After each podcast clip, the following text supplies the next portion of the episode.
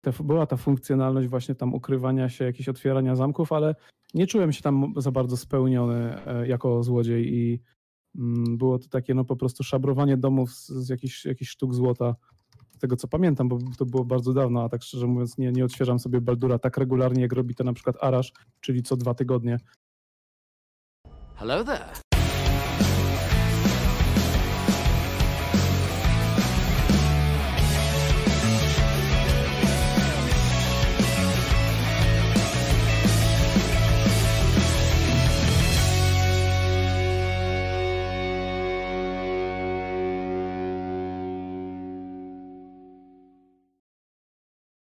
Witam was wszystkich bardzo, bardzo serdecznie. E, z tej strony Paweł Kruzer-Klimesz, e, a ze mną dzisiaj jest e, Hubert Sosnowski, redaktor gry online.pl oraz Kwiściu, którego chwilowo nie widzicie.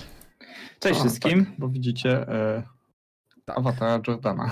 Tak, widzicie ale awatara Jordana, ale zaraz to naprawimy. O, właśnie, teraz już kwiścia powinniście już widzieć. E, witam was bardzo serdecznie e, tego e, lutowego wieczoru, ostatniego, e, jeżeli chodzi o luty. Przed nami sporo rzeczy do obgadania, bo mamy i Volten, i Baldurska, Baldursa III, e, jak również kilka innych newsów ze świata nie tylko growego, ale i esportowego, co w sumie jest też światem growym, ale do wszystkiego po kolei sobie na spokojnie przejdziemy. E, dobry wieczór, panowie. E, zacznę może od najważniejszego, czyli Wolcen, gra, w którą się oboje zagrywacie bez opamiętania. Tak, Wolcen. No, to jeden z powodów e, małego opóźnienia, bo właśnie grałem w Wolcen, żeby jak najlepiej się przygotować merytorycznie do naszego podcastu. Mogę zaświadczyć, tak było, grał, tak. grał, grał. Zaprosiliśmy też Huberta, bo może Hubert powiedz, kim jesteś w naszej firmie. E, cześć, ja odpowiadam za dział filmowy, mm, za artykuły, nie za filmiki na YouTube, rozwiewając te wątpliwości, bo parę osób pytało. E, a poza tym od jakiegoś czasu piszę do Gola o grach i o filmach. E, tak się złożyło, że często są to RPG lub od czasu do czasu action RPG. No i tak też się tak. złożyło, że e, popełniłeś właśnie recenzję Wolcena, także też e, myślę, że będziesz miał sporo te, na ten temat do powiedzenia i dobrze, bo ja się przyznam bez bicia, no, akurat tak się niefortunnie złożyło, że w tym tygodniu czas mi nie grał na rękę, w związku z czym ja z samym Wolcenem jako gracz się zapoznać za bardzo e, nie miałem okazji, natomiast jako widz i tam oczywiście przeglądając różnego rodzaju artykuły, to już oczywiście kojarzy czym się tą grę, ale jestem ciekawy waszych doznań. Oczywiście ja tutaj może następnie zaznaczę, że chciałbym na start pominąć te problemy, jakie miały miejsce, jeżeli chodzi o serwery e, i tą e, łączność online i potem to, że okazuje się, że progres z offline'u nie przychodzi do online'a, bo to już wszyscy zdążyli pisać i narzekać i to jest zrozumiałe. Natomiast... Tego offline'a bym bronił. O, okej, okay, dobra, to do tego też na pewno przejdziemy, ale jestem w ogólnie ciekawy waszych odczuć. Jak byście to porównali do Diablo 3 e, i czy uważacie, że ten timing, czyli wypuszczenie tej gry pomiędzy ja bym to tak może nie nazwał brutalnie śmiercią Diablo 3, ale takim już schyłkiem Diablo 3, a przed premierą Diablo 4, czy uważacie, że to jest mega fortunne i czy to może być na etapie wyjścia Diablo 4 tak mocna pozycja, że to będzie taki realny konkurent dla, Blizzard, e, dla produkcji Blizzarda?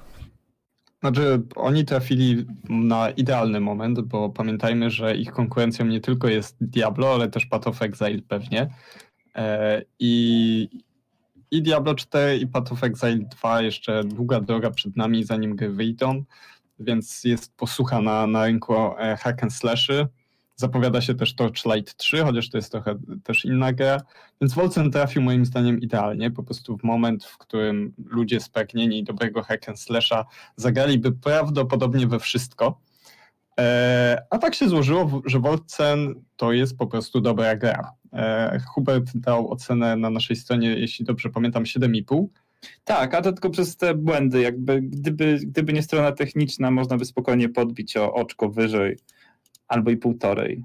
Znaczy ja jeszcze nie przeszedłem gry, jestem pod koniec, jestem pod koniec drugiego aktu, więc e, nie będę może recenzował za bardzo gry, ale wracając do twojego pytania, czy to jest e, porównania do Diablo narzucają się od razu i ta gra w dużej mierze jest podobna do Diablo, czy jak się na nią spojrzy, ale jednocześnie jest to taki miks moim zdaniem. Nie wiem, co ty Hubert o tym sądzisz, że to jest takie połączenie właśnie najlepszych, może nie najlepszych, ale dobrych rzeczy z Diablo, dobrych rzeczy z Path of Exile, pewnie dobrych rzeczy też z Grim Dawna, którego nie miałem okazji zagrać jeszcze.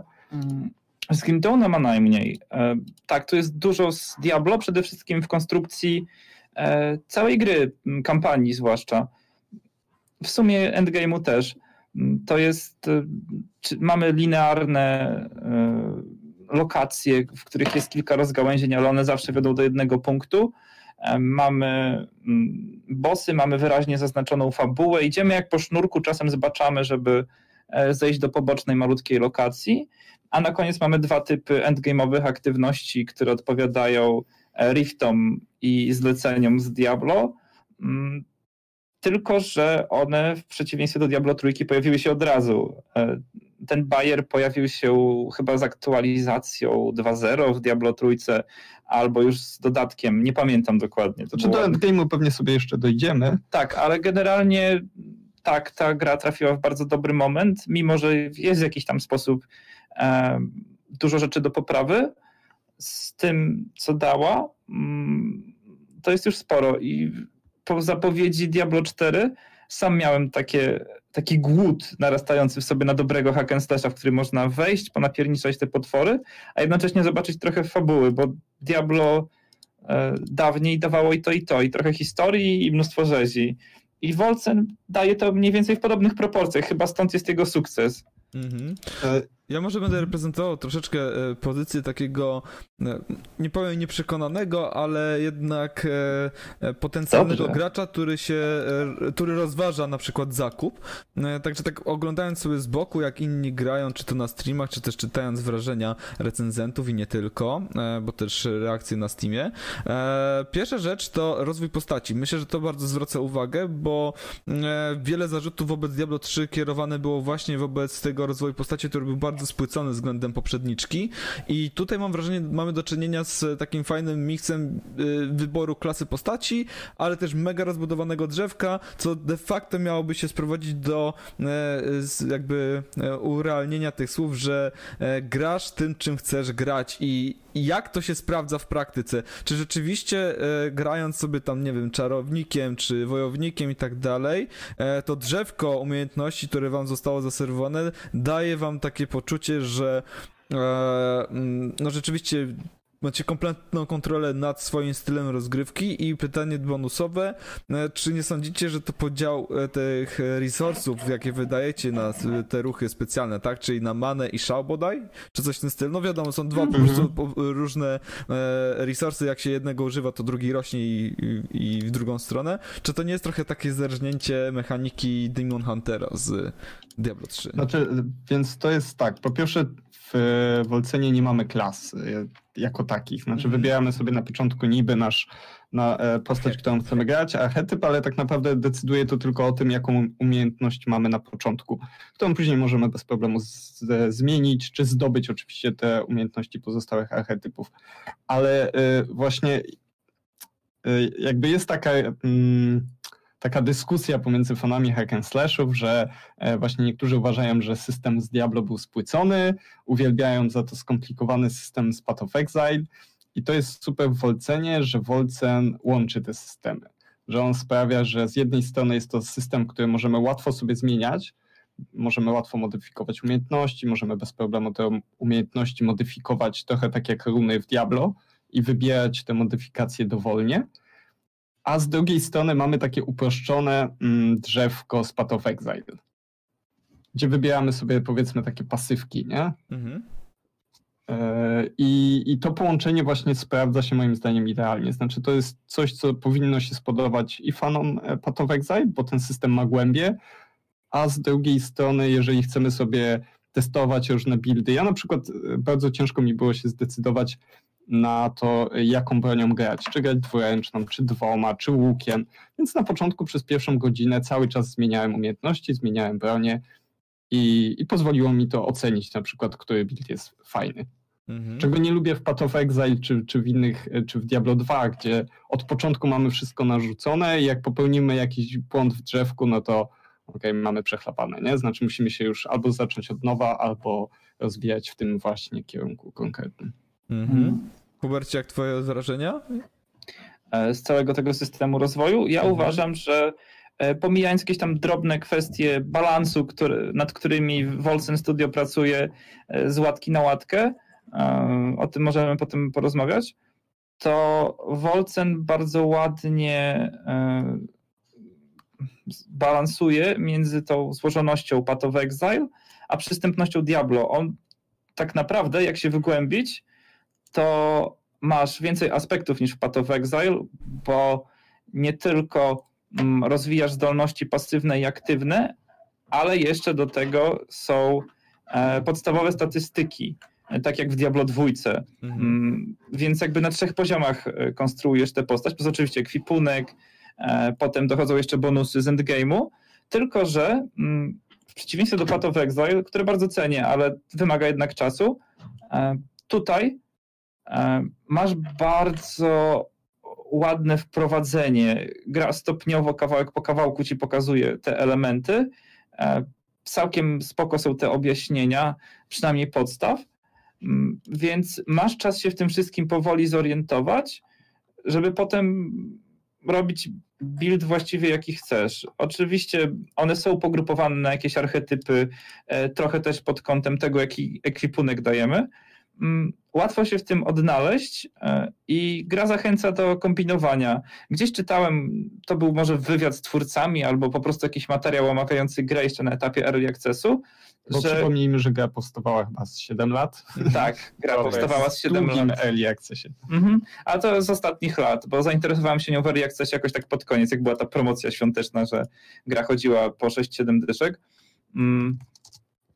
I e, twórcom zależało na tym, żeby gracze kombinowali i rzeczywiście ta gra sprzyja troszeczkę takim dwuklasowym postaciom. Postać, którą przeszedłem kampanię do recenzji, to był taki wojowniko-łotrzyk, czy berserkero-łotrzyk. On miał, mm, był szybszy niż taki typowy pancerny, którymi teraz gramy razem z Kwiściem, bo Kwiść ma od, od Kwiścia zaczerpnąłem pomysł na drugą postać, tylko dostosowałem go trochę do swoich preferencji.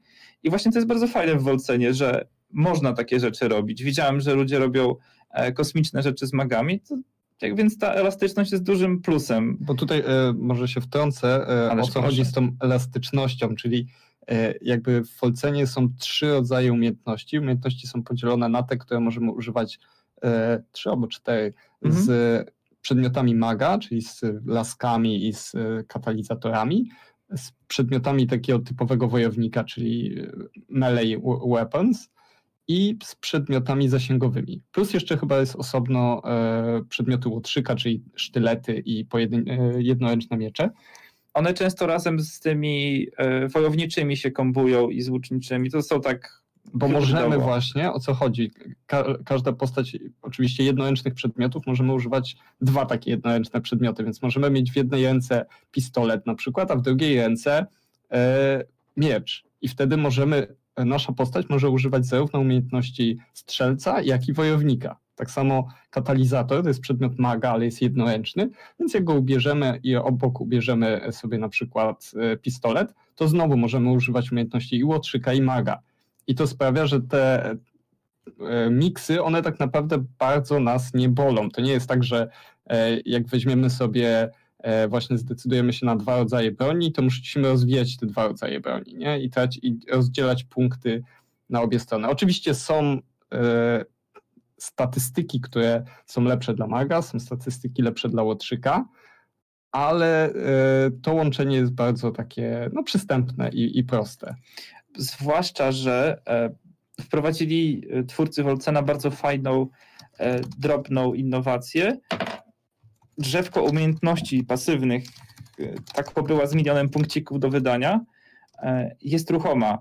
Czyli bardzo łatwo dostosować sobie e, jakieś partie skilli, tak żeby przebyć szybką drogę i nie wydawać zbędnych punktów na mm, zdolności, na cechy, których nie potrzebujemy albo które, które po prostu są jakąś tam martwą gałęzią dla nas. Mhm.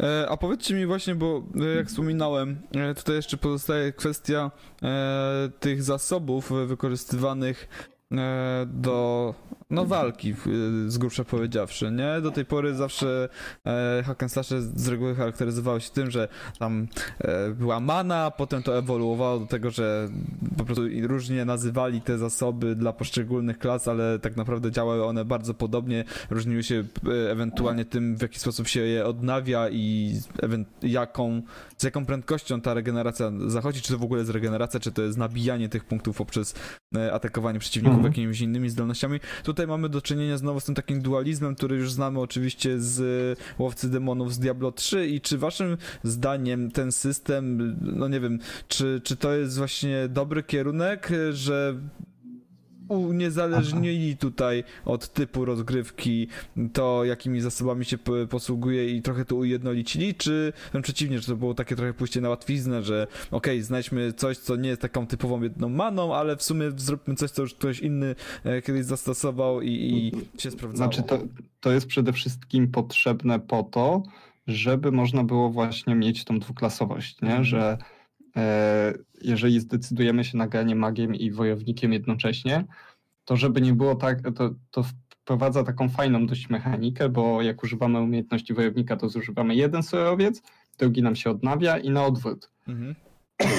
Przepraszam. Mhm. Więc y, jakby to jest, to fajnie się wpasowuje. To działa trochę inaczej niż w Diablo, gdzie mamy zawsze konkretną klasę, i, i ten system możemy sobie dopasować. Moim zdaniem to jest spoko i to wprowadza też głębie, bo dużo przedmiotów zmienia te zasady działania e, obu surowców. No ale w praktyce z tego co widziałem, tam chyba nawet grając, nazwijmy to jednoklasowcem, tak, załóżmy magiem, nawet mag ma zaklęcia, które korzystają z jednego lub drugiego zasobu, więc e, wciąż de facto to się sprowadza tylko do balansowania e, poziomu many i szału w danym momencie. Hubert, widziałem, że chciałeś coś dodać. E, chciałem tylko dodać, że tutaj ta, to, że każda postać ma te same zasoby, ma uzasadnienie fabularne, bo każda postać jest tą samą postacią. E, z punktu widzenia historii gramy tym konkretnym e, gościem, bratem tej Val, z synem przybranym Hemlocka, więc domyślnie to jest ten sam model, nie? Mhm. Tylko my go sobie modyfikujemy. Trochę jak w Wiedźminie czy tego typu grach. Kumam. E, I właśnie wspomniałeś o fabule. E, ta widziałem jest do, teoretycznie miała być bardzo mocnym punktem i takim e, trochę fokusem twórców gry. Nawet te przerwniki e, filmowe, jakie się znajdują w grze, to chyba mogę bezpiecznie powiedzieć, że nie licząc rzecz jasna cinematików Blizzarda, tych takich pełnych, ale nie zrobionych na nazwijmy to silniku gry, e, to Volcen chyba oferuje największy poziom poziom albo inaczej, najbardziej się stara wciągnąć gracza w świat gry, ten, ten poziom imersji jest tutaj e, troszeczkę wyższy. E, i to sprawia wrażenie takiego fokusu na historii. Moje pytanie jest takie, czy to są tylko wrażenia? I jeżeli się e, faktycznie gra i wciągnie e, e, w tą rozgrywkę, to czy to nie jest po prostu tylko ładne opakowanie, e, czy właśnie to jest tylko zrobione po to, żeby sprawiało takie wrażenie, ale w praktyce to niczym się nie różni od dosyć płytkiej mimo wszystko fabuły Diablo, o którym wspominałem. To może nie Hubert najpierw zacznie, bo Hubertowi się fabuła podoba. Okay. Mi tak nieszczególnie, okay. można Pogromca powiedzieć. Wiedźmina trzeciego ma swoje wagi, rozumiem. E, Hubercie. Tak. Dobra, to jest tak. E, przede wszystkim mm, rzeczywiście jest tutaj trochę więcej bajerów niż w przeciętnym hack and slashu. Znaczy, nawet nie w przeciętnym, nawet w porównaniu do Grim Dawna czy Path of Exile tego storytellingu jest więcej. Te przerywniki filmowe mają swoje problemy techniczne, tak jak spora część tej gry, ale e, widać, że twórcy włożyli tu trochę serca. To jest, to nie jest fabuła, z której wyniesiesz jakieś wielkie przesłanie, to jest bardziej coś w stylu kina akcji z lat 90., czyli mamy fajne postacie, e, bardzo dopasowane do tej konwencji, gdzie wyżynamy mnóstwo, mnóstwo przeciwników, co działa w sumie dużo lepiej niż Diablo czy Path of gdzie graliśmy straceńcami, a po, mieliśmy podobną ilość morderstw na koncie. Mm, I to działa jako coś takiego, jakie takie bombastyczne kino akcji, gdzie masz fajne postaci. Tam przesłania raczej wielkiego się nie doszukasz. E, gra trzyma klimat. Oczywiście po drodze spotykamy mnóstwo, mnóstwo głupot, ale jeśli ktoś lubi tego typu produkcje, nie wiem, jak co mniej przemyślane, ale wciąż zabawne filmy superbohaterskie, czy właśnie kino Johna Woo, e, to tutaj się odnajdzie, bo rzeczywiście trochę popracowano nad tym, żeby było kilka angażujących, kilka mm, zabawnych i przykuwających aspektów, jak ten wątek rodzinny, bo tutaj rzeczywiście e, można sobie olać intrygę i trochę szkoda, że świat nie został lepiej przedstawiony na początku, mhm. ale zależy nam na NPC-ach. Bo e, przypomnijmy, że gra nazywa się oficjalnie Wolcen Lords of Mayhem Children of Hemlock. I o. właśnie głównymi bohaterami jakby całej opowieści jest Hemlock i jego takie przybrane e, dzieciaki. dzieciaki, że nasz główny bohater ma siostrę i ma brata i oni należą do takiej elitarnego oddziału tego Hemlocka i idą razem ze swoją armią, żeby podbić jakieś tam tereny.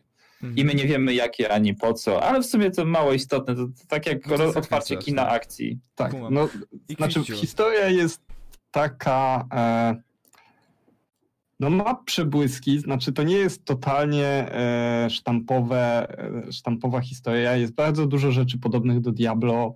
Są demony, są e, demoniczne kulty, które próbują przyzwać swoich władców piekieł, którzy zniszczą cały świat i tak dalej. Więc to, to jest cały czas sztampa i, i tak naprawdę podobnie jak w Diablo spotykamy te, te demony, one mówią, że o, jesteś taki słaby, że zaraz cię zabiję, a my go zabijamy i tak. No, no klasyka, klasyka Diablo. Ale właśnie tak jak Hubert wspomniał, trochę odświeża to ten motyw rodzinny, bo cała zabawa właśnie polega na tym, że mm, no dość szybko się okazuje, że, e, że nasza postać ma super moce, a trochę jesteśmy w nieciekawej sytuacji, bo należymy do armii, która jest, składa się z inkwizytorów i walczy z demonicznymi mocami. Nagle wszyscy patrzą, aha, nasz inkwizytor właśnie zamienił się w wielkiego demona. Co z tego, że walczył z innym demonem, no ale e, jednak to są demoniczne moce, więc nasz bohater musi uciekać, później siostra próbuje mu pomóc, też musi uciekać i, hmm. i to wszystko się tak rozkręca. Jest trochę tam takich właśnie rodzinnych e, perypetii, ktoś tam musi kogoś zabić, żeby ocalić kogoś innego i tak dalej, zdrada. No ale to cały czas jest taka fabuła e, pretekstowa. Znaczy, czy to jest problem? Znaczy, okej, okay, fabuła pretekstowa jestem w stanie to zrozumieć, bo to jest końcu hack and slash. Myślę, że nikt nie spodziewał się niczego innego, to raczej nie miał być, żeby nie użyć porównania do Wiedźmina, bo to oczywiście nie będzie miało dużego, dużej wartości, to powiem, to nie, nikt nie spodziewał się drugiego Divinity Original Sin. E, natomiast e, ja bardziej chciałbym się zapytać, czy mieliście odczucie, że na przykład gra się traktuje zbyt poważnie, albo że próbuje na siłę wcisnąć ten kit, że to jest poważny problemy, poważna fabuła, czy jednak można odczuć takie lekkie mrugnięcie okiem ze strony twórców, że okej, okay, my zdajemy sobie sprawę z tego, że to jest hack and slash, rzuciliśmy fabułę, bo w sumie jakaś powinna być, żeby dać temu kontekst, żeby to nie było takie puste tłuczenie potworów, ale to nie jest nic ambitnego. Czy... Y, Hubert. Jest, but no. E, okay. Chodzi o to, że oni rzeczy, rzeczywiście stworzyli tę pretekstową fabułę, ale z drugiej strony włożyli w nią i serce, i dystans. Okay. Serce widać w tych postaciach, e, w tym jak do nich się przyłożyli. A Potem to się. W dialogach. I w dialogach właśnie, tak, mhm. ale dialogi e, to jest, ten, to jest to pole, gdzie oni pokazują, że mają dystans do tej konwencji. Główny bohater odzywa się jak stąd miałem to skojarzenie, jak bohaterowie kina akcji. On jest taki e, hej do przodu, testosteronowy. Mm, jak awansuje na wyższy poziom, to ma jakąś taką koki odzywkę, że co to nie on, że on jest zarąbisty e, i nikt mu nie podskoczy. Bruce Willis I to się wersja giereczkowa, tak? Tak, taki młody, któremu jeszcze się coś chce. A, no tak, no jasne, oczywiście. Mam tutaj bardziej myślałem o piątym mm. elemencie niż o ostatnim. Mm -hmm. Albo nawet szklana pułapka. O, Przecież mm -hmm. A w dodatku też postacie poboczne mają takie fajne, charakterystyczne kwestie, nie? Mhm. A to jest ten typ historii, która mm, bazuje na bohaterach, a nie na przebiegu, nie? Tam jakby dzieją się rzeczy i interesuje nas tylko dlatego, że te rzeczy dzieją się tym postaciom. One fajnie mówią, my je lubimy w większości. No właśnie nie ma tego problemu, który ja często mam z takimi na przykład z filmami Marvela typu Avengers, gdzie trochę za mało jest humoru, a trochę za dużo nadęcia. Wszyscy wiedzą, że to jest głupie i bez sensu, a Mhm. próbujemy zrobić z tego, o Jezu, jakieś wzruszające historie. No i tutaj tego nie ma. No, ostatni przykład z dzisiaj doszedłem do bossa, który e, ma głosik takiego małego chłopczyka, znaczy mówi tak, "Nie, cześć, Piękna scena. pokonam cię, zabiję cię i tak dalej. I on jest przywódcą jakiegoś tam e, plemienia i przyzywa na, na nas kolejnych przeciwników i w pewnym momencie nasz główny bohater właśnie zauważa, że po, nasz, e, gość nazywa się Mercy. Jest oczywiście cała masa e, gier słownych i żartów z tym związanych, no ale nasz bohater go wyśmiewa, że zaraz, zaraz, przecież ty masz głos jak dwunastolatek, jak ty możesz być jakimś przywódcą, nie? Okej, Więc czyli... tam jest dużo humoru i, i, i to nadęcie jest, bo to jakby Musi- no, musi ratujemy świat troszeczkę. przed demonami, Okej. ale to jest takie z przymrużeniem oka i, i nie męczy, nie? Czyli to nie jest... podsumowując, mamy tutaj po prostu do czynienia z taką produkcją, która jeżeli już wywołuje jakiś rodzaj cringe'u, to nie jest tym negatywnym cringe'em, to jest takie na zasadzie w sumie śmieszne, suche bardzo, ale śmieszne i i nie ma Tak. tego wrażenia, że ktoś się bardzo starał, e, ale na zasadzie, że mm, jakby to ująć, e, że starał się aż za bardzo, wiecie o co mi chodzi, nie? Są Mhm. takie gierki, gdzie po prostu przechodzisz to i aż nie chcesz tego słuchać, bo komuś ewidentnie zależało na tym, żeby brzmieć poważnie, a efekt był zgoła inny. Tak. I co jest fajne, moim zdaniem, to jest bardzo do, dobry y, pacing gry, czyli y, niby ta fabuła jest głupia, niby jest niepotrzebna, ale jest potrzebna do tego, żeby robić ci takie przerwy, że, że lecisz sobie pod ziemiami, zabijasz i w pewnym momencie już zaczyna do ciebie dochodzić, że chwila, cały czas tylko klikam i klikam i klikam, nudne to się robi. Nie? I pojawia się wtedy taka scenka, która e, trochę spowalnia tempo i znowu mamy e, kolejne nowe, bo to jest też bardzo fajne w tej grze, że e, tereny dość często się zmieniają, tak samo przeciwnicy, więc za każdym razem, jak już gra zaczyna nas powoli nużyć, pojawia się coś nowego. I to Mhm. i tak samo działa właśnie tutaj fabuła i cutscenki, które też nie są zbyt długie, bo to też potrafi być męczące w hack and slashach. No to, to No wszystko to- brzmi bardzo niekorzystnie dla Diablo 4, ale zanim przejdę do mojej myśli, to jeszcze Hubert, coś chciałeś dodać. E, tak, po pierwsze ta gra ma fajny pacing, po drugie ten cringe rzeczywiście jest kontrolowany, a po trzecie Wolcen potrafi zrobić bardzo ładne przejścia między nastrojami, e, bo zaczyna się takim właśnie bombastycznym, e, bombastyczną demolką, a w połowie drugiego aktu, gdzie widziałem kiść akurat wchodzi, właściwie w tej, w tej ostatniej części drugiego aktu, na przykład potrafi zrobić się bardzo mroczne, niepokojące, takie na granicy bycia wręcz nieprzyjemnym, więc e, Mhm. twórcy wiedzą, co robią. E, Nawet jeśli ta fabuła donikąd jakoś tak wartościowo nie wiedzie, to przynajmniej mamy zróżnicowane te wrażenia. E, I bywa trochę mroczniej niż w Diablo. Okej. Przynajmniej a zdecydowanie mroczniej niż w Trójce.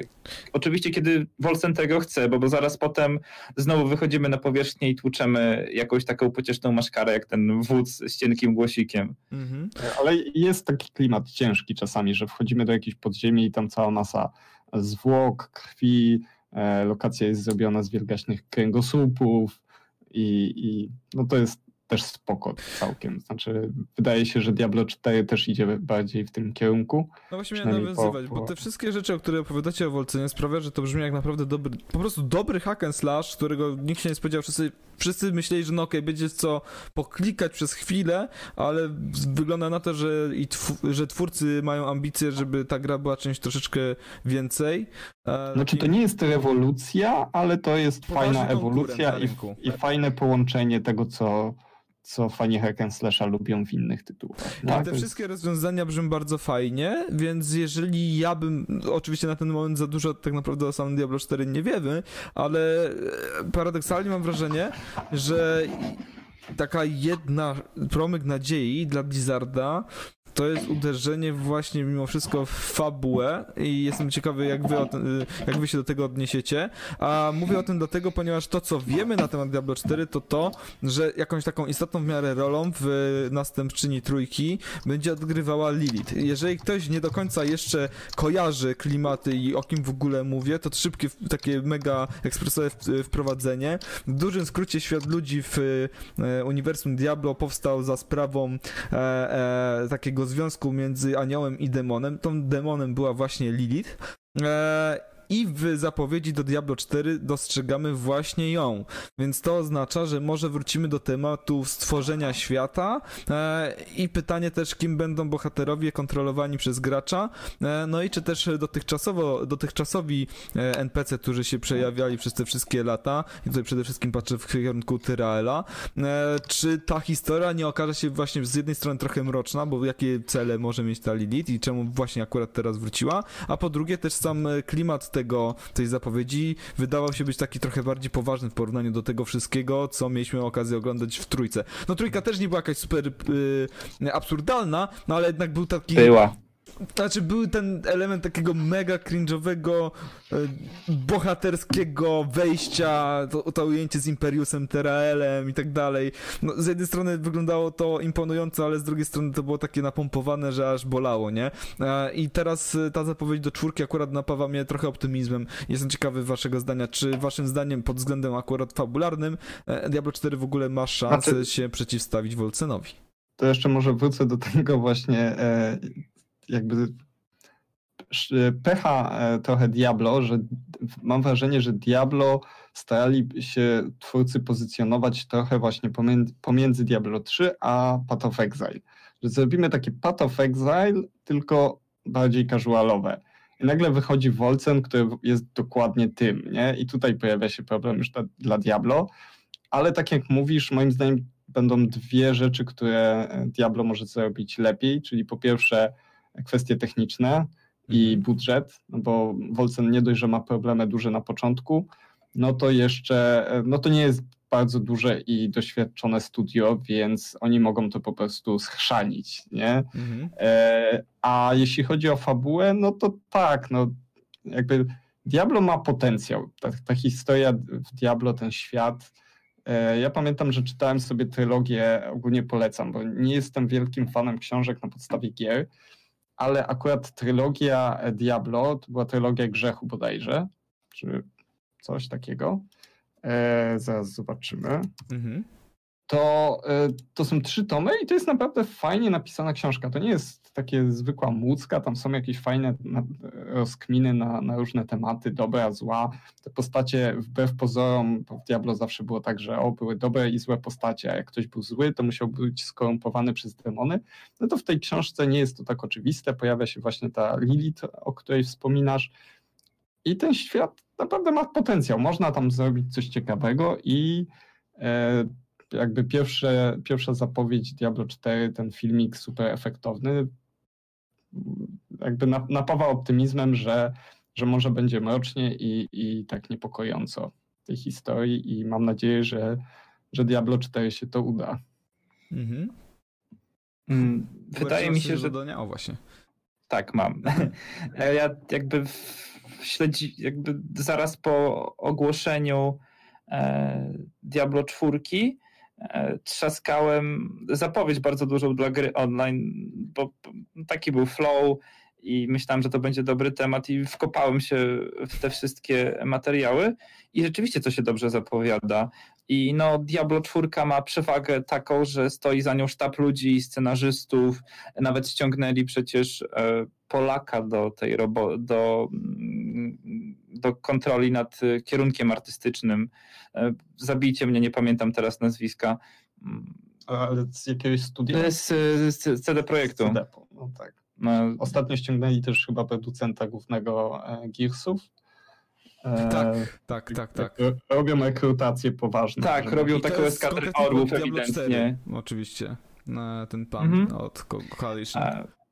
Tak, Wolcen może sobie powalczyć, bo zdąży być może okrzepnąć. Do Diablo 4 jest jeszcze długa droga i dodać content zarówno fabularny, jak i niefabularny. A jeśli chodzi o historię w Diablo 4, to rzeczywiście ta gra może być dużo bardziej niejednoznaczna od trójki. Trójka miała ten problem, że przeszarżowała, bo e, w trójce e, nasi bohaterowie okazywali się właśnie spadkobiercami mm, tych aniołów i demonów. E, w sumie wszyscy okazali się potomkami aniołów i demonów, wszyscy ludzie, mm, więc Diablo trójka nie tylko na poziomie graficznym ale te, czy plastycznym, ale też fabularnym straciło tę grozę, bo walczyliśmy kimś takim jak Doomslayer praktycznie. To nie my byliśmy zamknięci w pokoju z demonami, tylko demony z nami. Więc gdzie tu ten strach, gdzie tu ten niepokój? Szliśmy po Diablo jak po swoje i po każdego innego bossa. Mm, nawet jeśli tam przynajmniej fabularnie, bo wiadomo, że poziomy trudności mogliśmy sobie regulować do takich rejestrów, że ciężko było e, bez dobrego buildu. Natomiast w Diablo 4 rzeczywiście widać jakiś tam progres, widać, że oni przyjęli tę krytykę. Mm, to widać nawet po kolorach w tych zwiastunach. Lokacje, które przemierzamy, są posępne i są pełne takich drobnych smaczków, świadectw zepsucia. Był ten drugi zwiastun, zwiastun Diablo 4, który wyszedł mniej więcej równolegle z tym Lilith tam mm, zauważ, obok gameplayu była, był pokazany monolog jakiegoś maga albo mędrca, być może z Dreamów. I nawet ktoś taki był pokazany jako człowiek zniszczony, jako ktoś zepsuty bodajże i chyba alkoholik też do tego, więc e, oni idą w stronę takiego ciężkiego, dojmującego klimatu. Czy to się uda? Nie wiem, ale przesłanki są, zwłaszcza, że jak Kwiś zaznaczył i ty też, Lilith to taka niejednoznaczna postać. Zwróćcie też uwagę, że jak był ten zwiastun, gdzie ten nekromanta, a być może Ratma, czyli patron nekromantów z Diablo 2 i w ogóle z uniwersum Diablo, zwraca się do Lilith, mm, to on nie zwraca się do niej z jakimś e, paktem, żeby mu, nie wiem, dała mnóstwo złota i, w zamian sobie zniszczyła świat, e, bo w, w, szybkie wyjaśnienie, w mitologii Diablo Ratma jest raczej kimś, kto stoi po stronie ludzkości. I jeśli to jest ta istota, mm, to by pasowało, bo gość z trailera zwraca się do demona o ratunek i w takim razie jest to ratunek dla ludzi, a to znaczy, że rasa ludzka ma strasznie przechlapane w momencie Diablo 4.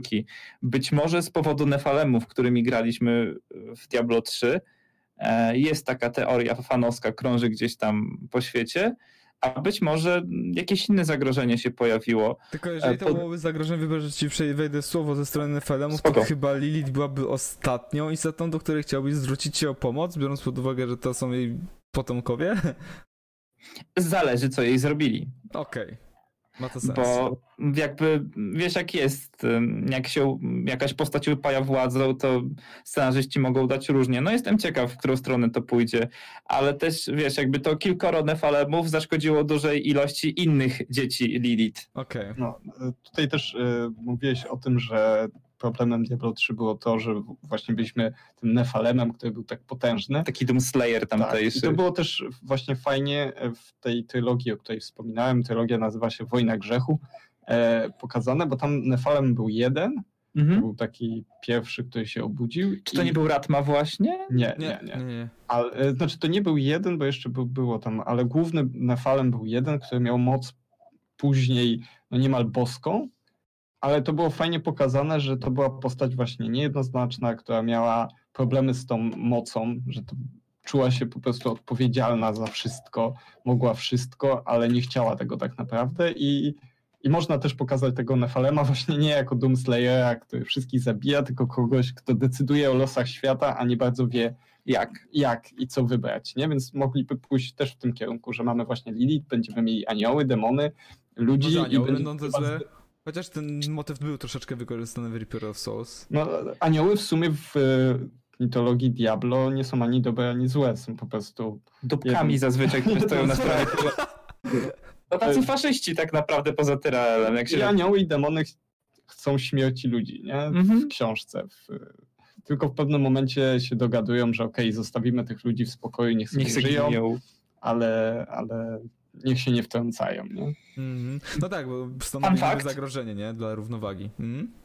W ogóle w, już wspomnieliście Imperiusa i gdzieś czytałem, że w pierwotnej wersji e, Reaper of Souls to on miał być e, głównym bossem Diablo trójki Reaper of Souls, tylko w ostatniej chwili to zmienili, bo Maltael bardziej im pasował jako taki frontman całej akcji. A może by tak zrobili, bo były też przecieki, że robili byli już na jakimś tam etapie tworzenia kolejnego dodatku. Tak. który musieli usunąć. King of the North czy coś takiego, Znaczy, ale są... domyśl- Domyślam się, że pomysł na to, żeby Imperius był tym głównym antagonistą, może trochę się wziął z tego, że w sumie przez całą kampanię Diablo 3 on nie był, znaczy on nie był de facto zły, ale ta jego charakterystyka, nie, jako archanioła e, odwagi sprawiała, że często postępował bardzo recklessly, e, z braku Mhm. lepszego od polskiego odpowiednika, a jednocześnie miał taką tą dumę, nie, że przecież on się nie będzie zniżał do dealowania się ze śmiertelnikami, że w ogóle wypierniczali z nieba, bo to jest ich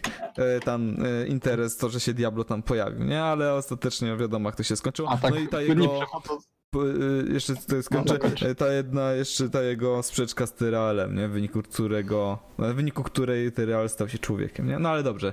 Fiściu. Mhm.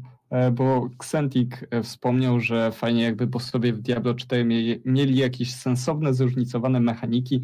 Tego mi brakuje w Diablo 3 i właśnie mi też te, tego brakuje przede wszystkim w Diablo i mam nadzieję, że to się zmieni. A to A to jest, a to właśnie w Wolcenie jest dość fajne. Znaczy nie wiem jak to wygląda na, na dalszym etapie, ale ta gra wymaga dużo zręczności. To nie jest najczęściej takie maszowanie. Znaczy oczywiście te prost, prost, e, e, łatwiejsi przeciwnicy e, to giną jak, jak muchy, ale jak trafiamy na bossa, to naprawdę trzeba kombinować. Trzeba unikać tych ataków, bo one zabierają nam na przykład połowę życia jednym hitem. No Czasami one-hitują nas, jeżeli mamy złego builda. Te uniki i ta zręczność wymagana w starciach, zwłaszcza z bossami, myślę, że jest naturalnym następstwem zaimplementowania po prostu tego dasha, który jest dostępny dla każdej postaci, nie?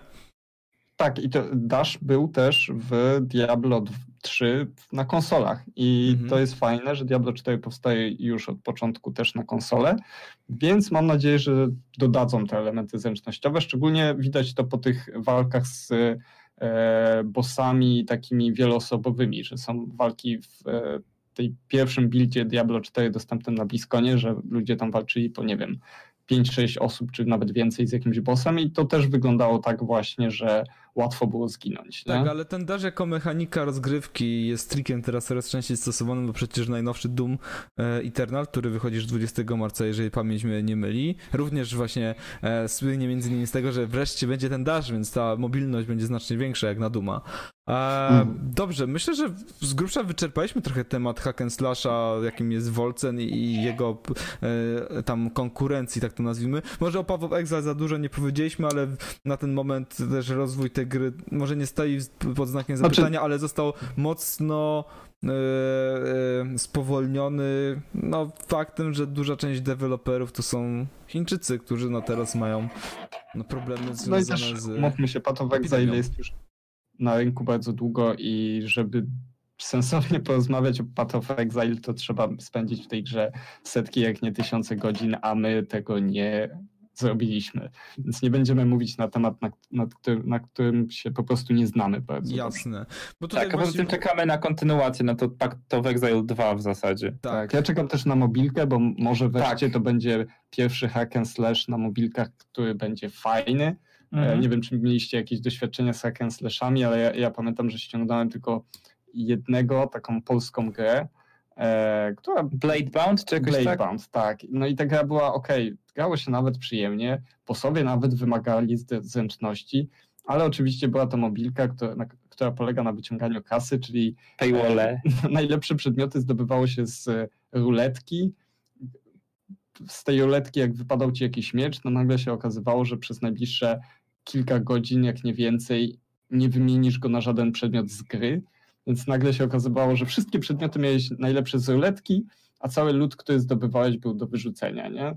No ja I to było na takie- telefonie nie gram, także mobilki mnie tak Ale, trochę... ale sama mechanika i hack and slash bardzo fajnie się sprawdzają na telefonach. Tak. To jest takie, robisz takie krótkie, nie wiem, pięciominutowe rany na przykład, wypada ci fajny przedmiot, masz fajne animacje, spoko. No, jestem ciekaw, czy nastąpi jakaś taka walka między Path of Exile a Diablo Immortal. Ja wiem, że ta gra została zhejtowana na początku, ale pomijając fatalny start y, PR-owy, no to się zapowiada na solidną rozgrywkę, jeśli nie zabiją tego mechanizmami, o których mówiłeś przy Bladebound, no Mm. bo dlaczego nie? Znaczy tak mobilki, naprawdę. umówmy się, z perspektywy twórców, deweloperów, gry mobilne powstają głównie z myślą o zysku, bo to są gry, które jednak e, produkuje się znacznie prościej, szybciej, mniejszym kosztem niż pełnoprawne tytuły na takie platformy jak komputer osobisty czy e, konsole.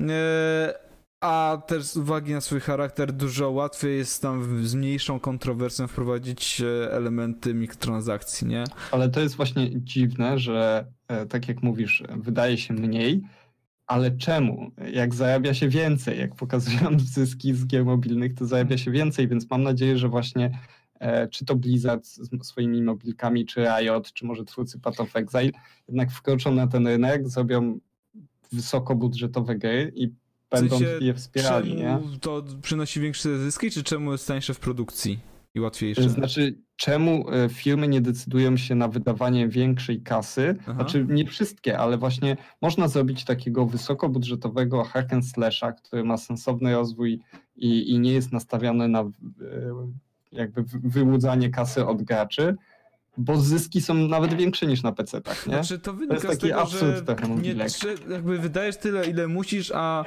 z reguły, ponieważ nie musisz aż tyle wydać, nie, nie kosztuje to tyle czasu. Jak nie kosztuje tyle czasu, to nie kosztuje tyle pieniędzy, tak? Bo pracownicy no, ja, jasne, siedzą. Jasne. A Ale... stworzenie gry, która po prostu będzie solidna, całkiem solidna na telefony, czy w ogóle urządzenia mobilne, e, a powód, dla którego to przynosi zyski jest w sumie dosyć prozaiczny, jakby e, mimo że ja akurat w ogóle nie grywam na telefonie i zupełnie mnie to nie interesuje, to jednak dostrzegam e, tą zaletę, e, jaką niewątpliwie jest fakt, że projektując gry na urządzenia mobilne, przede wszystkim masz na myśli to, że to są zwykle krótkie sesje, tak? To są sesje po 10, 20, 30 góra minut, nie? Niektórzy mogą grać oczywiście dłużej, to nic nie stoi na przeszkodzie, ale e, sedno jest takie, że dużo łatwiej jest w ciągu dnia, zwłaszcza osobom pracującym, zabieganym i tak dalej, znaleźć te 20 minut, żeby gdzieś sobie tam w autobusie czy gdzieś poklikać jakąś grę, niż żeby usiąść Headstone. do komputera i odpalić coś na godzinę, dwie, czy jasne, na przykład jasne. sześć, jak w moim przypadku, jak zaczynam grać w Gotika. Pozdrawiam wszystkich oglądających naszą serię, przypominam jutro w piątek tak. o godzinie 19. Eee, także no stąd też te zyski, nie? Mhm. Myślę, tak. że no.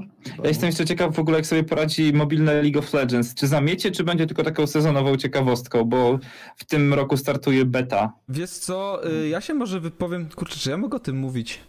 Dajesz, ja jestem ciekaw. A... Chciałem się nawet zarejestrować, bo gram w stacjonarnego LoL'a. Jest to, to nie będzie bezpośrednio o tym LoLu e, mobilnym, tyle co mhm. o takim też od Tencentu y, swoją drogą e, tytule, jakim jest Arena of Valor.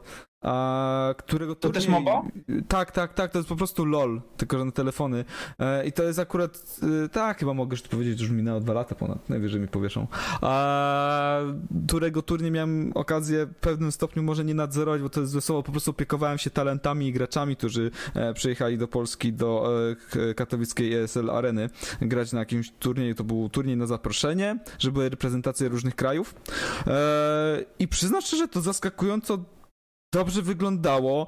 E, trochę było to dla mnie niecodzienne, bo ja jednak wtedy zresztą bardziej związany z samym LOLem, też ja właśnie jako komentator przede wszystkim, e, byłem zaskoczony jak bardzo to przypomina granie po prostu w LOLa, z tą różnicą, że zamiast na komputerze klawiaturą i myszką, no to sterujesz po prostu telefonem, nie? I przyjechało 10 gości, właściwie to 20, bo były po dwa zespoły z każdego kraju. E, jeden influencerów, a drugi zawodników, którzy się dostali poprzez kwalifikacje. E, siadali po dwóch przeciwnych stronach studia e, na kanapach i rżnęli w mobilnego Lola i mecz w sumie rządził się trochę podobnymi prawami, przy czym tam wiadomo, z uwagi na charakter rozgrywki to było bardziej się opierało walki zespołowe, mniej było takich mega skomplikowanych taktyk, ale w wciąż mm, to wyglądało nieźle. I teraz jedyny minus Arena of Valor, jaki dostrzegłem, to fakt, że to nie był po prostu LOL. Bo umówmy się, jeżeli mówisz MOBA, to myślisz albo LOL, albo Dota i tam długo, długo nic i dopiero pozostałe tytuły. Więc teraz, jeżeli wydajesz mobilną MOBę, który po prostu będzie LOLem, to oprócz tego, że zainteresujesz dotychczasowych graczy gier mobilnych, którzy też interesują się nie wiem, jako tako gatunkiem MOBA, to przede wszystkim jak ogromna fala graczy przyjdzie, e, a ta jest duża. E, już teraz mocno zainwestowanych w e, tytuł Riotu, nie? Ja będę w tej fali. Mimo, że sobie zrobiłem przerwę od stacjonarnego Lola parę miesięcy temu, w końcu te wracają postacie, które lubię, no jak tego nie przegapić? Znaczy, y, wiecie, te, te mo- moby mobilne to już dawno pod, podbiły świat, tylko nie nasz, tylko azjatycki. No tak. Znaczy y, y, i ten Arena Honor of Kings to się w Chinach na, nazywa i Mobile Legends Bang Bang, super nazwa, Hmm. e, one w Azji Południowo-Wschodniej w Chinach to są największe gry obecnie mobilne, nie? Tak. Y, I właśnie największym problemem Lola moi- moim zdaniem będzie to, żeby z nimi wygrać w Azji, ale z drugiej strony oni mogą próbować właśnie być pierwszą mobą mobilną, która podbije Zachód. Znaczy, tak naprawdę LOL sam sobie i tak już jest bardzo mocny w Azji, więc moim zdaniem akurat pobicie rynku mobilnego nie powinien stanowić dla Riotu większego Znaczy, problemu, nie? Wiesz, e, tylko że mają konkurencję. i Która jest ustabilizowana, jasne. To jest największa gra Tencentu, Mhm. jedna z największych mobilnych, więc e, nawet strony... ostatnio widziałem newsy, że esport e, w Mobile Legends w, jak, w Tajlandii czy gdzieś miał oglądalność jakąś chorą, znaczy to były liczby na poziomie najlep najlepszych turniejów esportowych na zachodzie. No okej, Więc- ale z drugiej strony jednak e, po pierwsze przychodzi tutaj ten element tego, że ludzie zawsze chcą przynajmniej sobie sprawdzić coś nowego, coś świeżego, żeby chociaż Tak, tak, ja- ja do, nie- czego, do czego się przyzwyczaiłeś. E, a druga rzecz, jaka dochodzi, to oczywiście to, jak Riot skutecznie podchodzi do e, pielęgnowania swoich, przynajmniej do tej pory, swoich produkcji. Do tej pory była jedna, powoli wychodzą kolejne e, i mają w tym doświadczenie. I też przede No wszystkim mają ogromne doświadczenie w mobach jako gatunku, więc Tak, tak, i tak jak mówiłeś, to jest LOL, nie? To jest olbrzymia marka też w Azji, więc Tak. e, oczywiście, ale moim zdaniem dużą szansę też widzę e, w tym, że ta gra będzie też na konsolach, bo to mówi Tak. się o tym, że to jest mobilka, ale to będzie gra na konsolach, będzie się ją obsługiwał padem i z tego, co rozmawiałem z devami, to e, będzie crossplay i na razie według ich testów nie ma jakiejś zdecydowanej przewagi e, tego, czy grasz na ekranie, czy na padzie. Znaczy jedna i druga opcja ma swoje zalety i wady. Tak, obie są I- ułomne względem e, PC Master Race, czyli Katori Tak, tak. dalej. Więc ja grałem na przykład je, dwa, nie, jeden meczyk grałem w mobilnego Lola, no i grało mi się całkiem przyjemnie. Tego Lola Lola, nie jakoś... Nie, y, tak, tak, Wild Rift to się nazywa, A. nie? Mm. I grałem Fiorą i Kwikcie na fiorze? Kurczę, skill champ, no ładnie.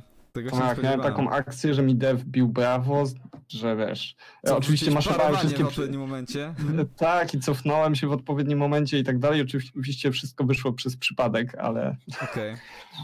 No, Wspominałeś, że w Azji e, e, wszystko przychodzi pierwsze i, i właśnie i gry mobilne i tak dalej. Z tych mniej fajnych newsów, no to też oczywiście tam pierwsze było ognisko koronawirusa. Wspominałem o tym nie bez powodu, ponieważ e, problem co prawda ogromny, globalny i tak dalej, ale ma też ogromny wpływ na branżę, którą się zajmujemy, czyli na branżę gier komputerowych.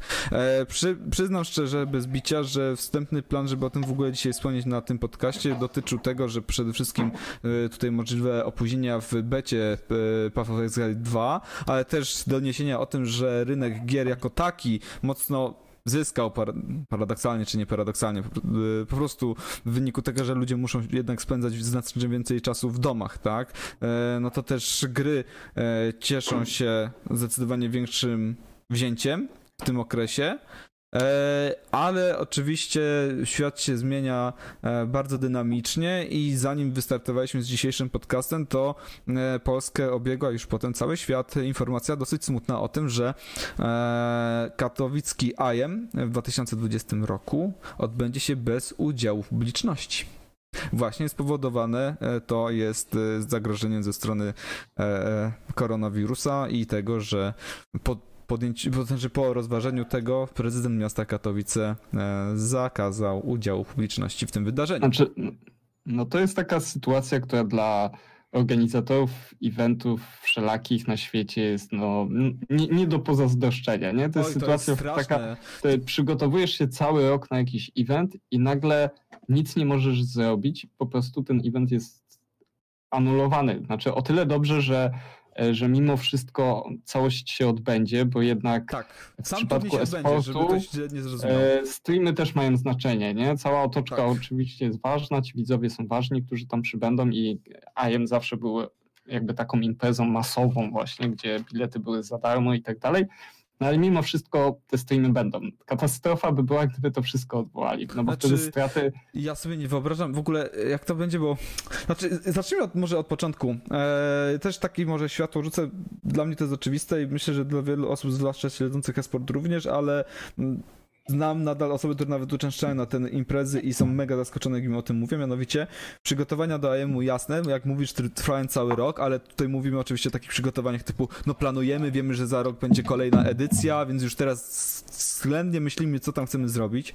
Ale fizycznie ludzie na terenie spotka i MCK-u e, już przyjeżdżają na miesiąc przed imprezą, czasami nawet nieco wcześniej, bo to jest masa, masa roboty, to są ogromne pieniądze, to, są, to jest ogromne wyzwanie logistyczne, e, jest bardzo wiele rzeczy, które trzeba wcześniej załatwić i teraz nagle, dosłownie na parę dni, to jest kilkadziesiąt godzin przed wydarzeniem, dostajesz informację, że twój event się nie odbędzie. 90% twoich wydatków i planów było związanych z tym, jak wiele osób odwiedzi e, Mhm. teren twojej imprezy. E, totalnie nie zazdroszczę tutaj ESL Polska, bo to głównie ESL Polska odpowiada za organizację tego wydarzenia. E, I też, no kurczę, strasznie przykro. Tutaj zakładam, że Adrian i reszta ekipy ma teraz masę stresu z tego powodu. Ale jakby implikacje są ogromne, bo to też nie tylko organizatorzy, ale też ludzie, którzy zdecydowali się przyjechać na ten event. I to nie tylko powiedzmy tam z północy Polski, ale też z innych krajów, nie? Także Mhm.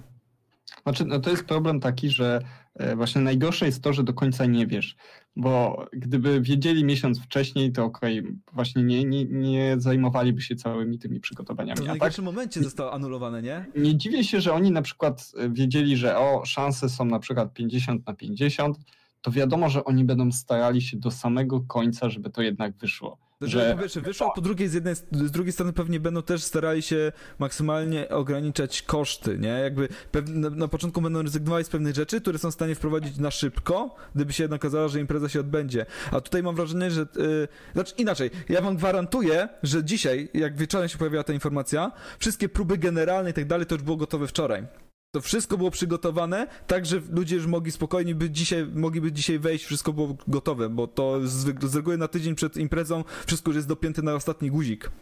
E, I teraz Mhm. nagle na kilkadziesiąt godzin przed rozpoczęciem imprezy się okazuje, że to wszystko poszło w piach. No, no, no, nie jest to fajna sytuacja, ale to samo dotyczy no, wszystkich na świecie, nie? Teraz problemy ma na przykład e, Riot z MSI, które też miało być organizowane, teraz będą je gdzieś przenosili, opóźnili ogłoszenie.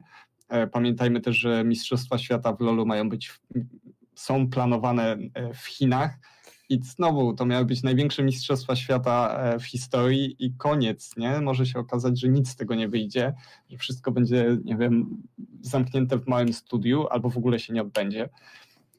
I to na pewno ma wpływ na jak to, właśnie przede wszystkim na finanse tych firm, nie? Teraz my sobie słyszymy cały czas tym o, e, o tym wirusie, który ludzie nie wychodzą z domów i tak dalej, ale to z opóźnieniem, ale jednak bardzo mocno uderzy w gospodarkę, nie? I, i w branżę sportową pewnie też. No, Liga Lola w Chinach też nie działa cały czas. Mm. Od, nie wiem, jedna, dwie kolejki tam się odbyły. To samo w Korei, bo przecież Korea też znowu, y, tam jest dużo przypadków. Więc temat niefajny i, i niestety do Polski też dociera, ale jeżeli chodzi, czy to była słuszna decyzja, czy nie, to moim zdaniem słuszna. Znaczy ja od początku byłem osobą, która e, dmuchała na zimne. Znaczy ja rozumiem, że często zdarzały się przypadki, że ludzie panikowali, że nie wiem, SARS nas wszystkich pozabija, choroba szalonych krów i tak dalej, ale jednak w przypadku takich wirusów lepiej, e, lepiej panikować niż e, Umierać. Właśnie, niż umierać, tak? No bo później się okazuje, że nagle nic nie możesz zrobić, tak jak to wygląda teraz. Niby kwarantanna, niby wszystko e, staramy się robić, żeby, żeby się wirus nie rozprzestrzeniał, a się rozprzestrzenia i im szybciej zaczniemy działać, tym lepiej, więc Jasne. moim zdaniem to jest dobra decyzja. Sam miałem jechać na IM w niedzielę O, jednak. i znaczy nie wiem, czy Ale prasa prywatnie, nadal tak? mogła, Czy e, jako- jako prasa, O, jako prasa, okej. Bo Nie wiem, czy, czy nadal to jest aktualne, ale e, szczerze sam trochę się martwiłem i już się zaopatrzyłem w maseczkę. Nawet na dole mi dali e, maskę e, przeciwgazową, taką jak z, Fallouta, Mhm. żebym ubrał, więc no Okej. trudno, głupia decyzja, ale, ale słuszna chyba. Hubert, coś do dodania? Mm, Nie, jakby Kwiś po, powiedział wszystko to, co ja też myślałem. Mhm. No szkoda tych eventów, ale co zrobić? Ciekawe, Tak. czy to też na przykład w Pyrkon, który jest taki bardziej ogólnopopkulturowy. Tak, coraz czy- więcej osób o tym wspomina, że przecież kurczę Pyrkon też już jest niebawem gdzieś tam, e, bo w maju. E, czy to się też rykoszetem nie oberwie takim imprezą, a przypomnijmy w ogóle też, bo bardzo się skupiliśmy na IEM-ie, co jest naturalne, bo to jednak też nasze polskie, e, ale przecież też e, inne konferencje około giereczkowe odbywają miały się odbywać gdzieś w tych e, okolicach i no zostały one albo y, odwołane, albo znacząca część wystawców y, od, Po prostu y, się wycofała. nie? wycofała się z y, wyjazdu. Tak, CD Projekt Red też gdzieś tam miał się pojawić ze swoim cyberpunkiem, nie będzie nikogo, nie? Czy będzie 3 w tym roku, też nie wiadomo, nie? Tak. Szanse oceniam tak, nie wiem, 40, może 30%.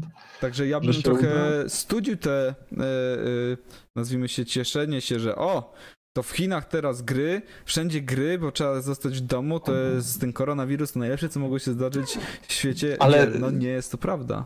Ale też ciekawy komentarz na Twitterze przeczytałem, nie pamiętam kto to napisał, że e, wszystkie e, tagi zostają odwołane i teraz się okaże, że nagle nie ma to żadnego wpływu na sprzedaż gier, więc wszyscy sobie zdadzą sprawę, e, po co my na te tagi jeździmy? O nie, najgorzej, nie? Będzie takie, 2021 nie ma IM, bo się nie opłaca, ani do tego powrócić. że nie opłaca, nie, wszystko działa, e, no więc... No po co tam jakaś społeczność? No, No Jeździć trzeba, męczyć się, te samoloty. No, zobaczymy jak to Nie, będzie. wątpię. No, nie ma szans, żeby doszli do takich wniosków, chociażby ze względu na to, że jak wspomniałeś, e, impreza dla e, widzów, w sensie dla widzów będących na miejscu się nie odbędzie, ale jak najbardziej transmisję na żywo z samych turniejów, czyli tego, no mówmy się, tego clue e, tej, tej imprezy, no jednak będzie, także nadal będzie można śledzić te zmagania najlepszych graczy na świecie. Chociaż też niektóre Mhm. zespoły się wycofały z udziału, to trzeba też zaznaczyć, że jednak Aha. potwierdziły, że nie przyjadą. Astralis bodaj z Counter-Strike'a e, potwierdziło jeszcze dzisiaj rano, że jednak się w Katowicach nie stawią, pomimo iż Mhm. się tam dostali oczywiście. E, dobrze, skończymy myślę ten temat, bo to też nie jest jakiś super mega nasz, e, e, nazwijmy to fokus e, w TV gry, gry online. E, przejść możemy, myślę, do kolejnego tematu z dnia dzisiejszego. Zapraszam oczywiście wszystkich do rzucenia okiem na sam artykuł, o którym za chwilę wspomnę, czyli wybory moralne w grach, a konkretnie e, jakie najczęściej postawy przyjmują gracze w grach fabularnych, takich jak Mass Effect y, 3. E, tutaj zarzuciłem oczywiście na czacie link. A dla osób, które nas słuchają teraz już po nie w czasie na Spotify zaznaczam, że w czwartki o godzinie 19 na żywo prowadzimy e, te transmisje, te podcasty, także jeżeli chcecie brać udział czynny e, w tych podcastach, to zapraszam was bardzo serdecznie. A czy jesteście zaskoczeni? 9 na 10, 9 na 10 graczy e, wybiera niebieską opcję, czyli umówmy się, tak uczciwie Mass Effect w zasadzie dawał do wyboru albo pseudo złego, albo pseudo dobrego i 9 na 10 wybierało tego pseudo dobrego, bo to nie są takie mega oczywiste opcje zawsze, nie? Czy was to zaskakuje? Mm, Nie, wcale nie, bo e, w życiu i w serialach i w wielu, w wielu fikcyjnych opowieściach to jest tak, że te dobre uczynki przychodzą e, z, jakąś, z jakimś tam kosztem, a gra to jednak takie trochę akwarium, że owszem, wczuwamy się, jest imersja, ale gdzieś z tyłu głowy pracuje e, ten podproces mówiący, że nawet jeśli coś stracimy, to wczytamy save'a, nie? Więc możemy zaszarżować i spróbować być tym dobrym, e, niezależnie od e, stawek kosztów. Nawet jeśli to jest nieracjonalne. A poza tym e, graczem Mass Effecta mogli też być wychowani wcześniejszymi RPG-ami, a RPG do pewnego momentu jednak Miały Miały dosyć złym, nie? tak, a przynajmniej mniej nagradzały. Nawet Mhm. w Baldurze dwójce, gdzie już te opcje się pojawiały e, i no, były dosyć rozbudowane dla postaci gorszych, to jednak bardziej się dalej opłacało e, być tym dobrym. Więc dla części to pewnie nawyk po prostu ze starszych gier, dla części to jakiś taki naturalny wybór, a może po prostu chcemy czuć się dobrze. Znaczy, No. to jest tak, że najczęściej właśnie w grach RPG to w wielu przypadkach, e, czy w MMO, wybieramy człowieka i w większości gier gramy po prostu dobrego, czyli gramy zgodnie z naszym charakterem, gramy z postacią, którą e, się jak w jakiś sposób możemy utożsamiać. I wydaje mi się, że e, no to jest problem trochę dla twórców RPGów, bo przygotowują dwa wątki, dobry i zły. Niby teoretycznie jeden i drugi powinien być tak samo dobry i powinni poświęcić temu tak tyle samo czasu, a później się okazuje, że tylko 10% ludzi w ogóle zobaczyło to, co oni przygotowali dla złej Złego. postaci. Mm. Więc wydaje mi się, że e, sam koncept nie jest zły, że, że możemy grać złą postacią, tylko moim zdaniem powinno się to ograniczać jednak do gier, w których to jest narzucone, że gramy postacią, która jest zła, bo takie nie zawsze to, to znaczy ja miałem zawsze takie poczucie, że jak wybierałem złą postać w RPG, to najczęściej to była postać takiego dresa. Ja to tak określiłem, że to był taki Tępy morderca, tak? Zabijasz po prostu tak, wszystko. że zawsze był dla wszystkich niemiły, zawsze szukał tylko sposobu, żeby było coś złego, a tak naprawdę no bycie złym to Coś więcej. najlepsze postacie złe to są postacie, które mają takie motywy, które są niejednoznaczne. Najlepsze które... postacie złe to takie, które są tak naprawdę dobre, ale z ich perspektywy. Tak. Tak, to, to tak działa, nie? Że praktycznie każdą historię da się opowiedzieć na kilka sposobów i wszystko zależy od tego, czyj punkt widzenia przyjmujemy.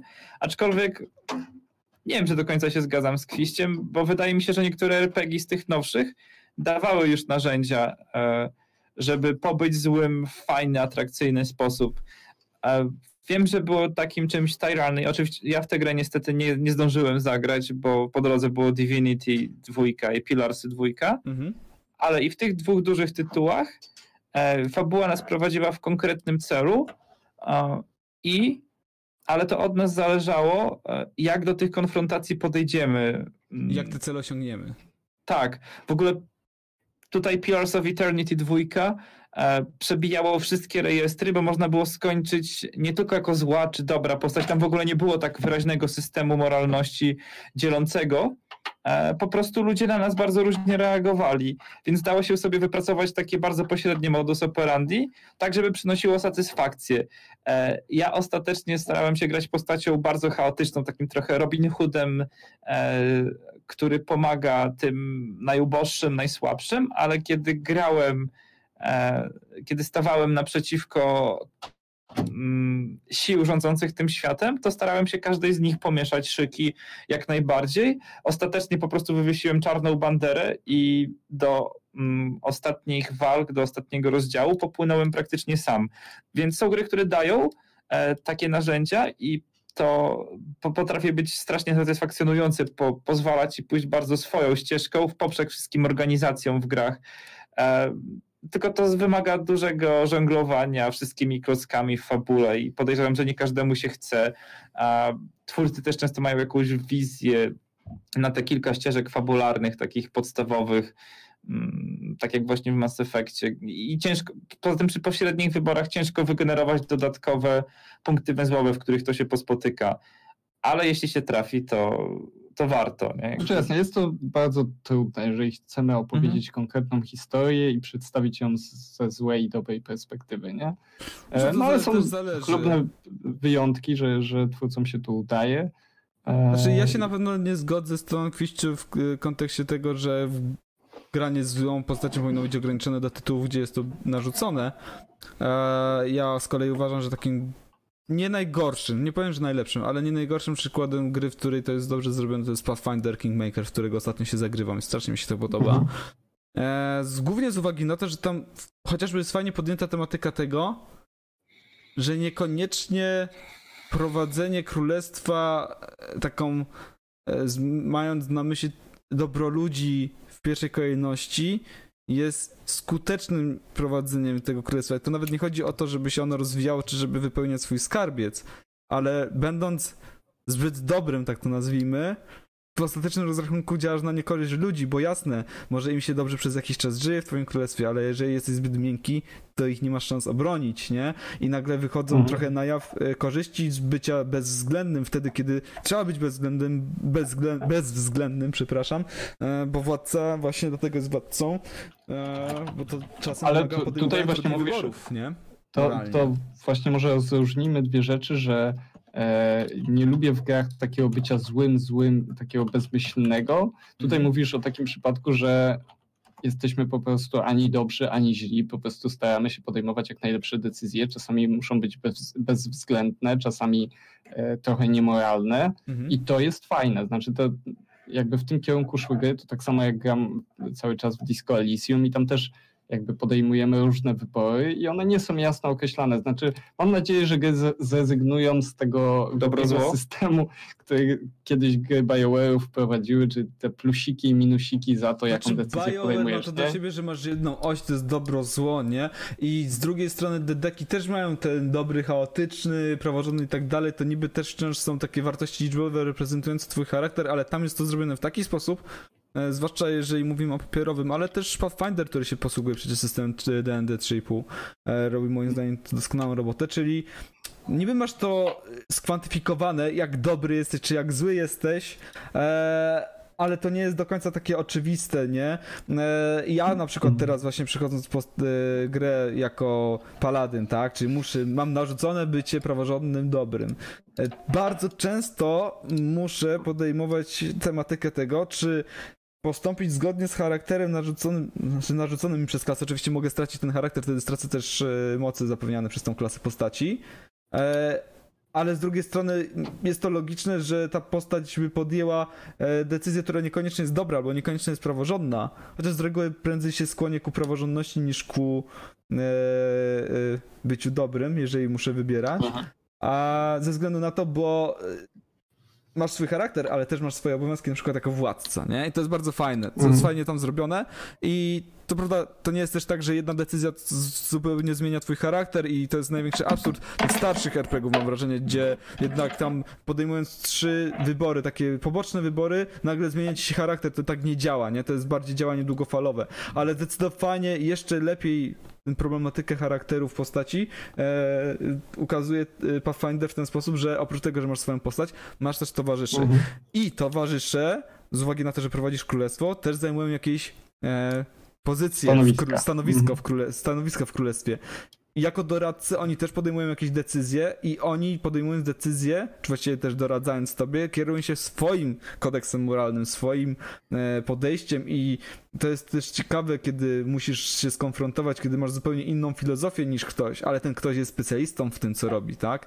Masz na przykład chaotycznego, może nie chaotycznego, tam praworządnego, do, praworządnego dobrego e, skarbnika w królestwie i może jego propozycja, czy tam sugestia rozwiązania tego problemu jest totalnie sprzeczna z swoim charakterem, ale z drugiej strony to nie możesz mu odmówić, że nie ma racji, nie? Że to jest Mhm. najlepsze rozwiązanie. Więc to jest ciekawe, e, wydaje mi się i e, jak, jak kiedyś bym bronił za wszelką cenę, że BioWare zrobił super tego Mass Effecta, że Paragon i Renegade to jest najlepszy system możliwy, że on wcale nie jest taki jednoznaczny, on nie jest trochę czarno-biały, e, ale też nie przesadzałbym z kolei, że to jest tylko dobro-zło, zwłaszcza, że od drugiej części. W pierwszej części to jeszcze było takie na zasadzie Renegat, to po prostu zabijasz wszystkich i jesteś tym bad boyem, a Paragon jesteś tym szlachetnym e, rycerzem na białym koniu. Druga i trzecia odsłona serii już były bardziej na zasadzie czy podejmujesz na przykład bardziej brutalną, ale skuteczniejszą ścieżkę? Czy może jesteś dobry, ale już nawet na tym etapie wybio- wy- podejmowania wyboru zdajesz sobie sprawę z tego, że ta ścieżka Paragona jest niby szlachetna, ale kurczę jest mało skuteczna, a ty w tym momencie już nie myślisz tylko o sobie, ale też o losach całej galaktyki, nie? Więc tak jak mam wrażenie, na pewno jest masa graczy, którzy, gra, którzy grali na zasadzie zawsze podejmuje wybory Paragony, Paragona, albo zawsze podejmuje wybory Renegata. Tak ja podchodząc do gry starałem się gdzieś tam podejmować te decyzje zależnie od sytuacji i ostatecznie oczywiście znaczy oczywiście, ostatecznie wyszło mi, że jednak moja postać była paragonem zdecydowanym, y, prze, w zdecydowanej przewadze, ale to nie Mhm. oznacza, że każdy mój wybór był paragoński, nie? I to było spoko, że nadal mogłem podejmować część tych wyborów Renegata. Minusem tego systemu y, ze strony BioWare'u niestety było to, że pewne decyzje były zablokowane, jeżeli nie miałeś wystarczająco dużo punktów w Renegacie lub w Paragonie. Moim zdaniem to jest błąd, bo to, że na przykład masz ten charakter Paragona, wcale nie oznacza, że w tej sytuacji nie podjąłbyś złej decyzji, nie? Mhm, mhm. Więc to Mhm. jest minus, który należałoby poprawić i myślę, że warto, gdyby e, takich problemów na przykład wystrzegł się nadchodzący wielkimi krokami Baldur's Gate 3, No, którego- Właśnie, bo my tu gadu gadu, a E, mieliśmy poruszać temat Baldur's Gate 3, który e, w momencie, w którym nagrywamy podcast, e, został właśnie zaprezentowany gameplay.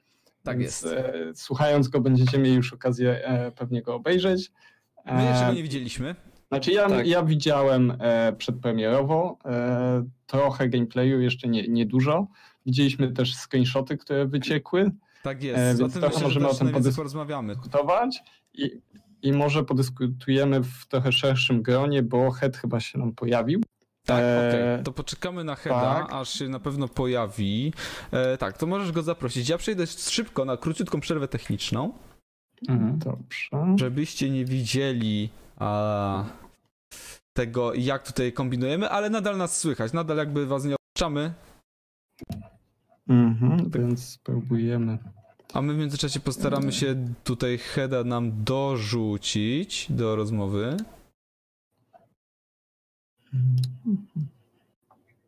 Oczywiście będzie tutaj czarował technicznie. Spróbujemy. Jeszcze się nie pojawił. Zapowi- zapowiadał tylko swoją wizytę. A, okej. Head, head Schrödingera. Jednocześnie jest i go nie ma. Zobaczymy, zobaczymy.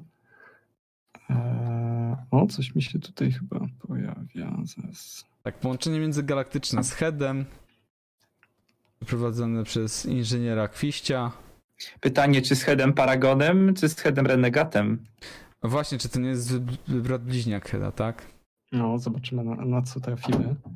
E, znaczy, nie widzę go jeszcze na Discordzie, na razie pisał, że będzie, więc możemy, myślę, że zacząć powoli e, rozmowę, Tak, a a wprowadzimy Szymona w trakcie, jak już dołączy, nie? To zacznijmy może Tak. faktycznie od tych screenshotów, które wyciekły. Oczywiście część y, z was, już nawet tutaj będących z nami na żywo, miała okazję w międzyczasie rzucić okiem na to, jak to wygląda e, na tej prezentacji zaprezentowanej przez Larian Studios. Czyli screenshoty, na których można było wbrew pozorom całkiem sporo, mam wrażenie, dostrzec. E, pierwsza, najważniejsza rzecz to taka, że wizualnie, moim zdaniem, gra prezentuje się naprawdę oszałamiająco. E, Bo jest to RPG izometryczny, ale jednak tam niektóre ujęcia, y, zakładam, że to przede wszystkim są te cinematikowe rozmowy, e, ten system dialogów, e, plus podejrzewam jakieś cutscenki, totalnie robią wrażenie i to będzie, mam wrażenie, jedna z mocniejszych mocniejszych punktów Baldursa III. Natomiast to, co może nie powiem zaniepokoiło, ale to, co tak trochę zwróciło moją uwagę, nie tylko moją, bo też moich kolegów ze studia, w którym pracuję, e, to to, że może to być turn-based, e, czyli ten brak walki w czasie rzeczywistym, który jednak w Baldursie 1 i 2 występował. A warto zaznaczyć, że Larian Studios odpowiedzialny za Baldura III to są panowie od Divinity, Divi- e, Boże, Divinity Original Sin 1 i 2, a, które to przecież były właśnie stricte turowe.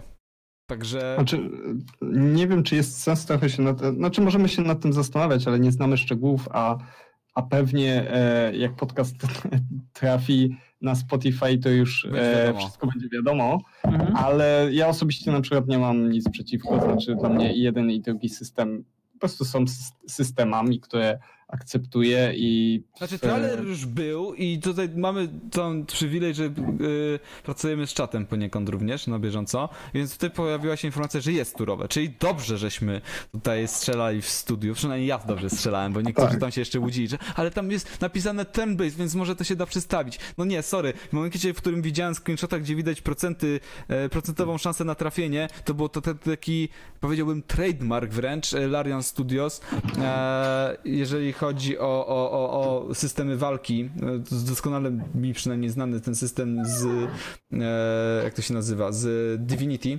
A W związku z czym, e, no, ja, dla mnie to nie będzie jakiś spory minus, bo same gry dla Arianu bardzo mi się podobały i to, że ten sposób walka jest prowadzona, to trudno. Natomiast autent- totalnie widzę, dlaczego to może być taka nie przeszkoda, ale to dlaczego to może być taki minus dla osób, które jednak są tymi hardkorowymi fanami e, Baldursa 1, 1 2, czy w ogóle serii Neverwinter i tak dalej, nie? skrócę ci tylko przerwę, e, żebyś scenę ustawił jakąś, bo jest... Znaczy jest Eee. taka, bo, bo teraz nie bardzo nawet Czekamy na co? Tak, bo czekamy Okej, na Heda i nie mam jak wrócić, bo zniknęła nam jedna osoba z konwersacji, w związku z czym kamery nie są ustawione. Tak, ale e, co do jeszcze właśnie tego systemu, to nie wiem skąd jest taki płacz. Znaczy, system turowy, zresztą deki zawsze były oparte na systemie turowym. e, Aktywna pauza to był wymysł e, twórców Baldura i jasne, ktoś to może lubić, ale i tak najczęściej ta gra była turowa, znaczy wykonywało się te tury. Aktywna pa pauza może e, ten czas rzeczywisty przyspieszał niektóre działania i okej, tutaj się zgodzę, ale dla mnie to nie jest jakiś, nie wiem, deal breaker, że o, nie ma e, czasu rzeczywistego, to nie gram w to i to będzie słabe, to nie będzie Baldur's Gate. No właśnie, jakby dedeki są z natury turowe, odkąd, od czasów papierowych, a jest jeszcze, znaczy tak naprawdę jedyną zaletą real-time'u w Baldurach czy Planescape'ach to mm, to, że one były szybsze, jak Quiz zaznaczył. To rzeczywiście jest pewna komfortowa e, zaleta, bo w Divinity to mógł być problem, kiedy chcesz poznać jakąś e, kolejną scenkę, zobaczyć, co się stanie dalej, a ciśniesz tę walkę. Walka może trwać 10, 20 i 30 minut, jeśli to jest trudna. Niemniej te walki są zarąbiście angażujące w wykonaniu Lariana. A jest jeszcze ten aspekt, że bardzo dobrze, że to zmienili, bo Baldur's Gate e, w swoich czasach zawsze było trochę krok przed e, resztą gatunku, że wprowadzało te nowe rozwiązania, e, wyciągało i mieszało to, czego przez chwilę nie było. Mm, Jeśli tym razem padło też na system walki, to akurat dobrze. Jedynka i dwójka oczywiście są czarujące, ale system walki z nich zestarzał się najgorzej. Znaczy to ja jako kontrargument jednak zastosuję fakt, że moim zdaniem, o kurczę, i znowu coś zniknęło, dobra, to teraz słabo widać przez to w tym momencie. Muszę znowu wrócić E, na tą przerwę chwileczkę, ja to techniczną. naprawię i zaraz... E, Okej, dobra, no to niech na razie będzie tak. E, ale tak jak mówię, mój kontrargument polega na tym, że jedno trzeba zaznaczyć, że w Divinity walki, zwłaszcza w dwójce, są żmudnawe. Trochę Mhm. one trwają. Jakby z jednej strony to jest gra fabularna, więc to też nie jest mega istotne, żeby one były super dynamiczne. Ale mając porównanie, też mając też na świeżo teraz, mimo wszystko będę się zachwycał Pathfinderem, bo super mi się ta gra, podoba- ta gra podoba. Do, mocno doceniam możliwość grania czasie rzeczywistym, że te walki są prowadzone w taki sposób, że na, nadal to jest tak naprawdę walka turowa, jakby nie patrzeć. E, O, Mhm. teraz się poprzestawialiście moment. E, natomiast, e, no, kurczę, mimo wszystko e, jest to, że e, mając walkę w czasie rzeczywistym, możesz się bardziej wczuć w nią. Ona jest bardziej taka. Emo- inne emocje wywołuje, nie? No może masz rację, no, znaczy zobaczymy tak. jak to będzie wyglądało. E, jakby nie jest to, to dla mnie Znowu. rzecz na, najważniejsza, nie? Ale e, tak jak wspomniałeś, bo mówiłeś tutaj o, o dialogach, że e, są takie zbliżenia. E, nie, wydaje mi się, że nie jestem jedyną osobą, która, z której od razu się to skojarzyło Kamerka szaleje. No, Aha. niestety. z Dragon Age'em, bo e, no wygląda to bardzo podobnie. Zn- Znaczy, mamy trochę problemy techniczne teraz z kamerkami, ale myślę, że na razie je zostawimy. Tak, na szczęście na Spotify to nie ma znaczenia. problem. Tak. E, i, wydaje, jakby jak oglądam ten gameplay, który za, zaprezentowali i widziałem te screenshoty, no to wygląda to na takie połączenie trochę e, Baldur's Gate'a, Divinity i właśnie Dragon Age'a. I, I w sumie to może być fajne, bo mi w Divinity trochę brakowało te, tej filmowości. Znaczy to było, ja nie grałem dużo w Divinity, bo mnie tam zawsze odrzucała ta, ten świat i ta fabuła, która była trochę taka... Cringe'owa. No tak, że to było wszystko śmieszkowe i, i trochę mnie to odrzucało. Dwójka była mniej śmieszkowa, dwójka była już krypna momentami. Tak, no to, to nie doszedłem może do tego, do tego etapu, ale podoba mi się ta filmowość. Podoba mi się, że, że jednak poszli w tą stronę. To ja może taki zarzut za, e, podniosę. Nie jest on tak naprawdę mój, przyznaję się szczerze. E, zżynam tutaj bezczelnie od e, mojego kolegi z pracy, PR menadżera Big G Studio e, Tomka, który stwierdził, że jego po dwóch około godzinach gry Divinity Original Sin 2 odrzuciła między innymi właśnie taka trochę cukierkowa niemal szata graficzna i też takie y, bardzo luźne i śmieszkowe podejście do tematu. I zobaczywszy właśnie screenshoty, które wyciekły z Baldursa III, również wyraził swoje niezadowolenie. E, Z czego? No właśnie z tego, jemu się akurat to takie barw, ta, taka mega barwność i taka, mimo wszystko nazwijmy to charakterystyczna e, e, k- Paleta? cha- charakterystyczny artyzm Larianu. Larian w bardzo Mhm. charakterystyczny sposób bud- rysuje Tak, tak, swoje światy, robi. Tak. Jemu się to nie podobało. Nie tak odbierał Baldura i oczekiwał po prostu mój kolega czegoś innego.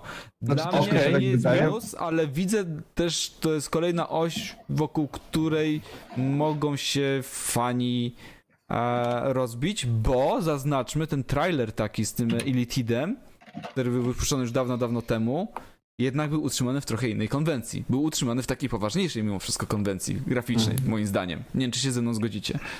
Tak, a dodam do tego, że w sumie te wszystkie screeny były w dużo ciemniejszej tonacji niż Divinity. Było dużo mniej nasyconych takich kolorów, to więcej było brązów. Znaczy na tych, które wyciekły, tak? Tak, tak, Znaczy, bo tak. ja mówiłem o trailerze. Moim zdaniem trailer, Trailer trailer też. był dużo mroczniejszy i jednak był trochę inaczej wyglądał. Albo inaczej, sugerował coś troszeczkę innego niż te screenshoty, które dostaliśmy. Wiesz co, bo jakby screenshoty są z jakiegoś etapu wędrówki po ruinach takiego klasycznie baldurowego, a trailer e, pokazał jakiś taki brzegowy moment inwazji tego, Tak, zarys fabularny, no, no czy czegoś się, nie? takiego. Nie? wiem, czy fabularny, czy po prostu jakiejś sytuacji. Mm, więc on musiał być mocny i mroczny. Ja podejrzewam, że oni będą balansować, tak jak Baldur's Gate 2, z jednej strony miała cukierkową oprawę, a z drugiej strony dotykała mnóstwa bardzo poważnych tematów. Kiedy tylko wychodziliśmy z pierwszej lokacji, okazywało się, że jesteśmy w mieście, gdzie kwitnie handel niewolnikami, gdzie ludzie prostytuują się z biedy, gdzie rząd praktycznie działa z mafią magów, gdzie musimy współpracować z inną mafią albo współpracować z kimś jeszcze gorszym.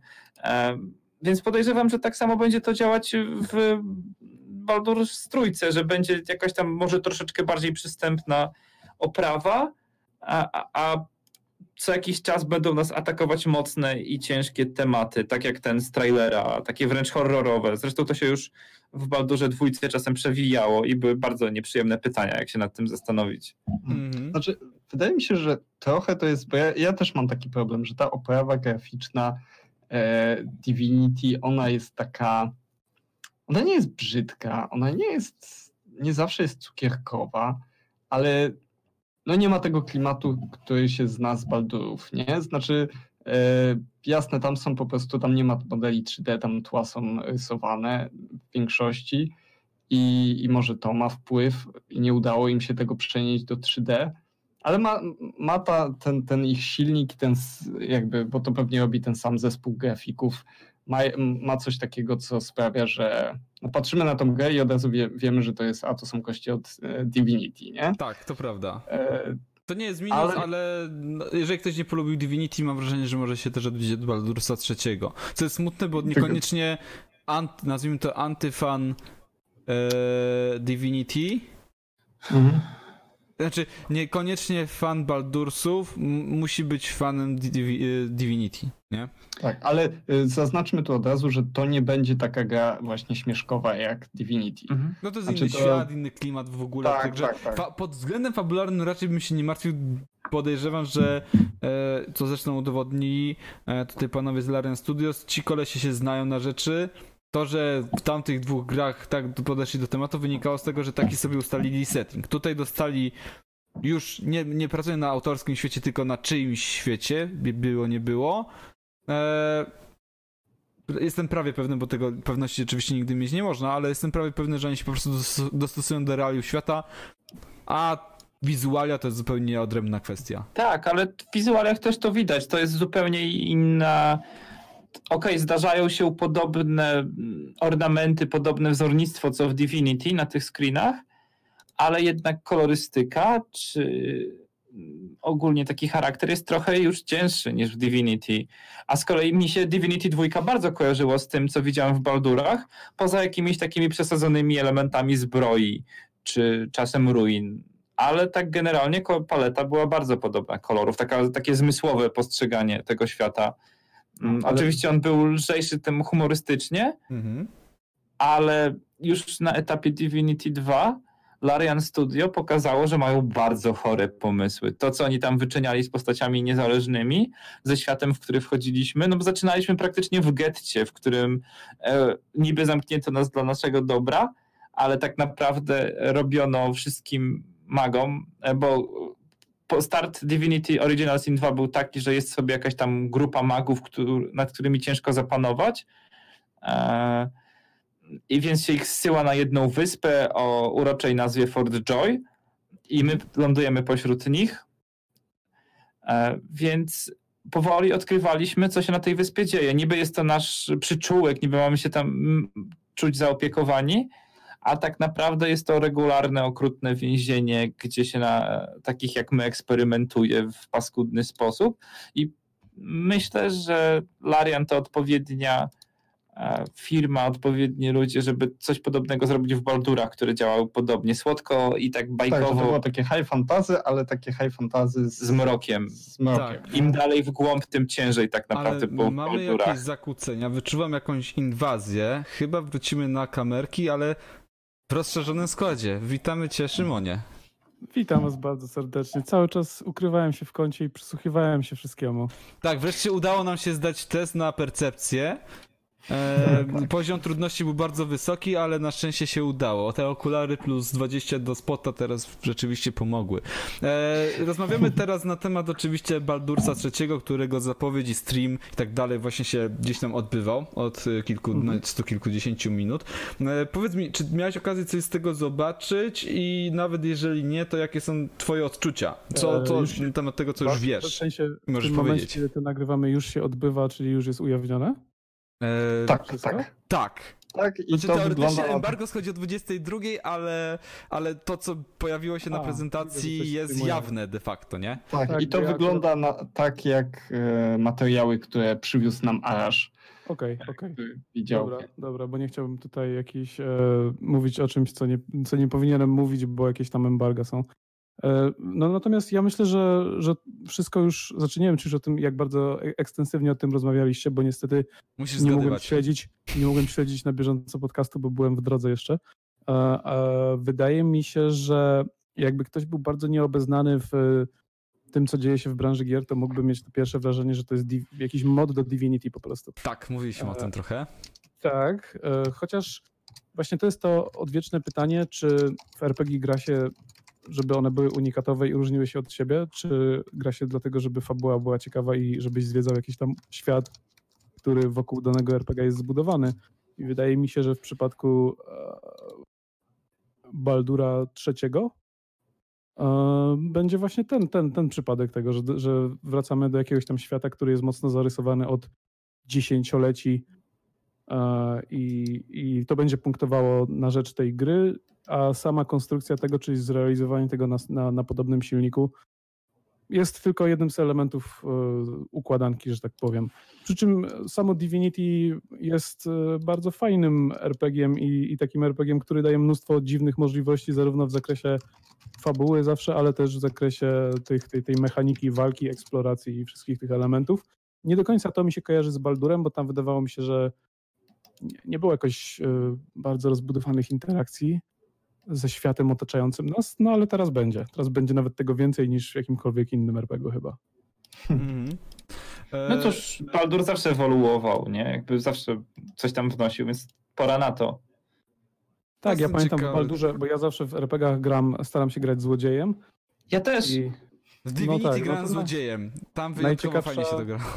Tak, i właśnie w Baldurze to tam były te, była ta funkcjonalność właśnie tam ukrywania się, jakieś otwierania zamków, ale nie czułem się tam za bardzo spełniony e, jako złodziej i mm, było to takie no po prostu szabrowanie domów z, z jakichś, sztuk złota z tego co pamiętam, bo to było bardzo dawno, a tak szczerze mówiąc nie, nie odświeżam sobie Baldura tak regularnie, jak robi to na przykład Arash, czyli co dwa tygodnie. E, więc nie pamiętam, ale, ale właśnie tutaj w tym nowym Divinity pewnie tych, tych opcji będzie więcej znacznie.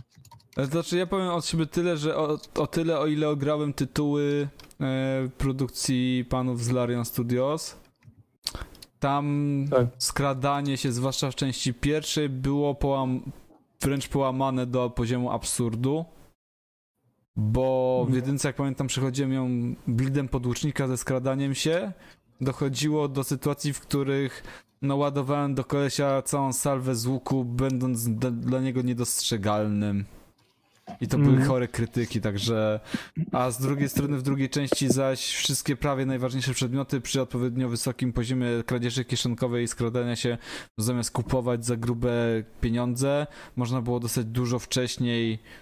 Zakładam, że w etapie, gdzie twórcy nie przewidywali, że gracz będzie mógł je otrzy- uzyskać, nie? W normalny To jest, sposób. tak, to jest Nie. odwieczne piętno, odwieczne piętno y, profesji złodzieja w grach RPG, że bardzo łatwo zepsuć system. Tak samo przecież w prawie każdym The Elder Scrolls granie złodziejem to było tak totalnie OP, że, że w zasadzie w niektórych częściach to byłeś po prostu niewidzialny przez 100% i zadawałeś poczwórne obrażenia zawsze. Ale to nie był poziom połamania z Phoenix Point, gdzie przypomnę, że to działało, nie wiem czy to już spaczowali, nie grałem od dłuższego czasu, ale e, można było zrobić z, e, żołnierza, który miał łącznie 100% ukrywania się, co oznaczało, że można było bić przeciwnika bronią do walki w zwarciu i nadal było się niewidzialnym. Znaczy, O. to, nie, to właśnie to nie była niewidzialność. Najgorsze było to, że to jest skradanie się. Skradałeś się, tłukłeś w gościa, nie wiem, z, z, z miecza albo z minigana i Mm. nadal się skradałeś. Przypomina mi to słynny film koreańskiego, południowo-koreańskiego reżysera Kim Ki-duka, nie pamiętam tytułu, ale był tam bohater, który aby uciec przed ścigającym go społeczeństwem, stał się tak sprawny, że unikał wzroku każdego i zawsze był tam, gdzie nie patrzysz. No.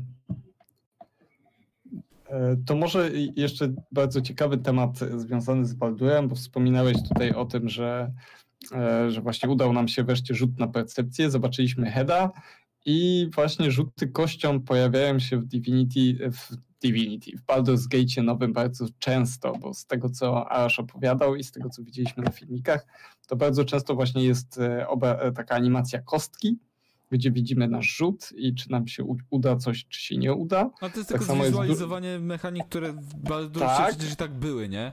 ale jest też dużo mechanik takich właśnie przypominających klasyczne RPG, e, gdzie mamy na przykład dialogi w e, Baldurze będą wyglądały tak, że będziemy wybierać opcje, które są zapisane w sposób e, zwracam się No. do niego w taki a taki sposób, albo mówię to i to, że Mhm. postać zwraca się do gracza jako do e, mistrza gry. I później dopiero odpala się dialog, w którym postać oczywiście już mówi Ubiera to w taki... słowa jakoś. Mhm.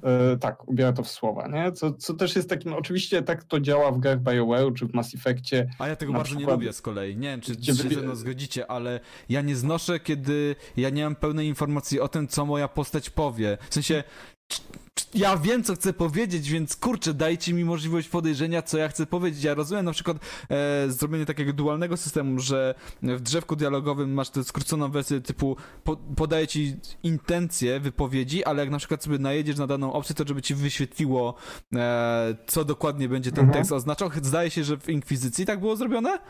Ale nie jestem pewny. E, nie pamiętam, znaczy nie, nie kojarzę, w ale jednym z też mam był ten taki... system, on był W świetny. Deus Exie chyba było, tak. Tak, to jest dobre rozwiązanie, bo to z jednej strony nie zaśmieca e, drzewka dialogowego e, półkilometrowymi tekstami, bo to z oczywistych względów przy tw- projektowaniu UI bardzo kłopotliwe, ale z drugiej strony nie odbiera mi jako graczowi e, pełnej kontroli nad tym, jak zachowuje się postać, którą prowadzę, nie? Bo wielokrotnie w Mhm. grach BioWare'u zwłaszcza zdarzało się, że ja miałem zupełnie inaczej zrozumiałem tą podpowiedź intencji wypowiedzi niż osoba Twoja designująca, czy no, nasza postać, ale w domyśle tak naprawdę designujący o, e, ją, e, właściwie no Tak, designer, no. który tworzył te, pisał te dialogi, miał zupełnie co inaczej rozumiał dane stwierdzenie na przykład, nie?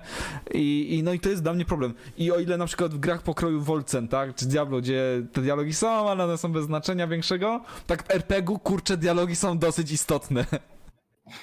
I to, czy powiem komuś, że okaż mu łaskę, to to, czy komuś powiem, masz tu miksturę leczniczą, wylecz się, żebyś mógł przeżyć, a zaraz cię dobiję, żebyś nie cierpiał, ma ogromne znaczenie. Wiesz co, wydaje mi się, że to będzie bardziej precyzyjne w, ty, w, w Baldurze. Zresztą e, ten system pojawił się już w Divinity 2, w Original Sin 2 i tam działał bardzo dobrze. Tam doskonale wiedziałeś, co twoja postać robi, tylko było to tak bardziej narracyjnie niż czysto dialogowo pokazane. Tak, to E, prawda. Więc raczej tutaj tego nie sknocą. Wiem, że są te obawy, no ale Larian to jest raczej studio, które ewoluuje I w tym e, niż parkaczy. Mhm. Tak, zresztą oni już mają ten etap prób i błędów za sobą. Oni testowali bardzo różne rozwiązania na etapie swoich starych RPGów, Divine Divinity i Beyond Divinity, gdzie rzeczywiście działy się cudawianki i były dziwne mechaniki, a tak od tego Original Sin 1 do teraz powoli rafinują to i to wygląda coraz lepiej, więc i dialogów pewnie e, możemy się spodziewać bardzo dobrych. To moje pytanie Tak, że do pod was w takim układzie, jak przyjmiecie fakt, jeżeli okaże się być prawdziwy, że w Baldursie trzecim e, takim e, viable podejściem do zgrywki będzie tak zwana beczkomancja. Wiecie, czy, o, czy wiecie o czym mówię? Tak, wiemy. Tak, Myślę, tak, że tak. spoko. Nie będzie, czy Jakby- przeszkadzało. Nie, no jakby Okej. Jeśli jest, zwłaszcza, że jest to metoda przewidziana przez twórców, twórcy sami zachęcają do tego, żeby ich grę ogrywać. Czy to jakoś popsuje imersję? Jakby zawsze możemy się zdecydować, żeby Tego po prostu, robić. żeby pilnować jak najlepszego buildu swojej postaci, co też jest przecież manczkinowaniem gry. Znaczy, wydaje mi się, że to jest trochę takie, e, co innego to jest śmieszkowanie w fabule i, i taka Mhm. prześmiewcza fabuła, a co innego śmieszne rzeczy związane z mechaniką, bo umówmy się, jak grało się w Baldura, to brało się Firebola, rzucało się go za ekran, tam gdzie nie, przeciwnik nas nie widział i my nie widzieliśmy przeciwnika. Spamowało się te firebole non-stop, aż wszyscy, a później wchodziło do pomieszczenia i wszyscy nie żyli, nie? I to nie przeszkadzało nam w imersji, więc wydaje mi się, że tutaj nie będzie też takiego Tak, to był ten problemu. rzut na intuicję. Tam chyba stoi potwór. Tak, bo Albo trzecie przejście gry. Znaczy dla Nie, mnie no mimo tak. wszystko jest nadal różnica między rzucaniem no, kulą ognia na oślep, a e, no, pakowaniem 400 ton żelastwa do beczki przy pomocy teleportacji zrzucania ale jej komuś na wiesz, głowę.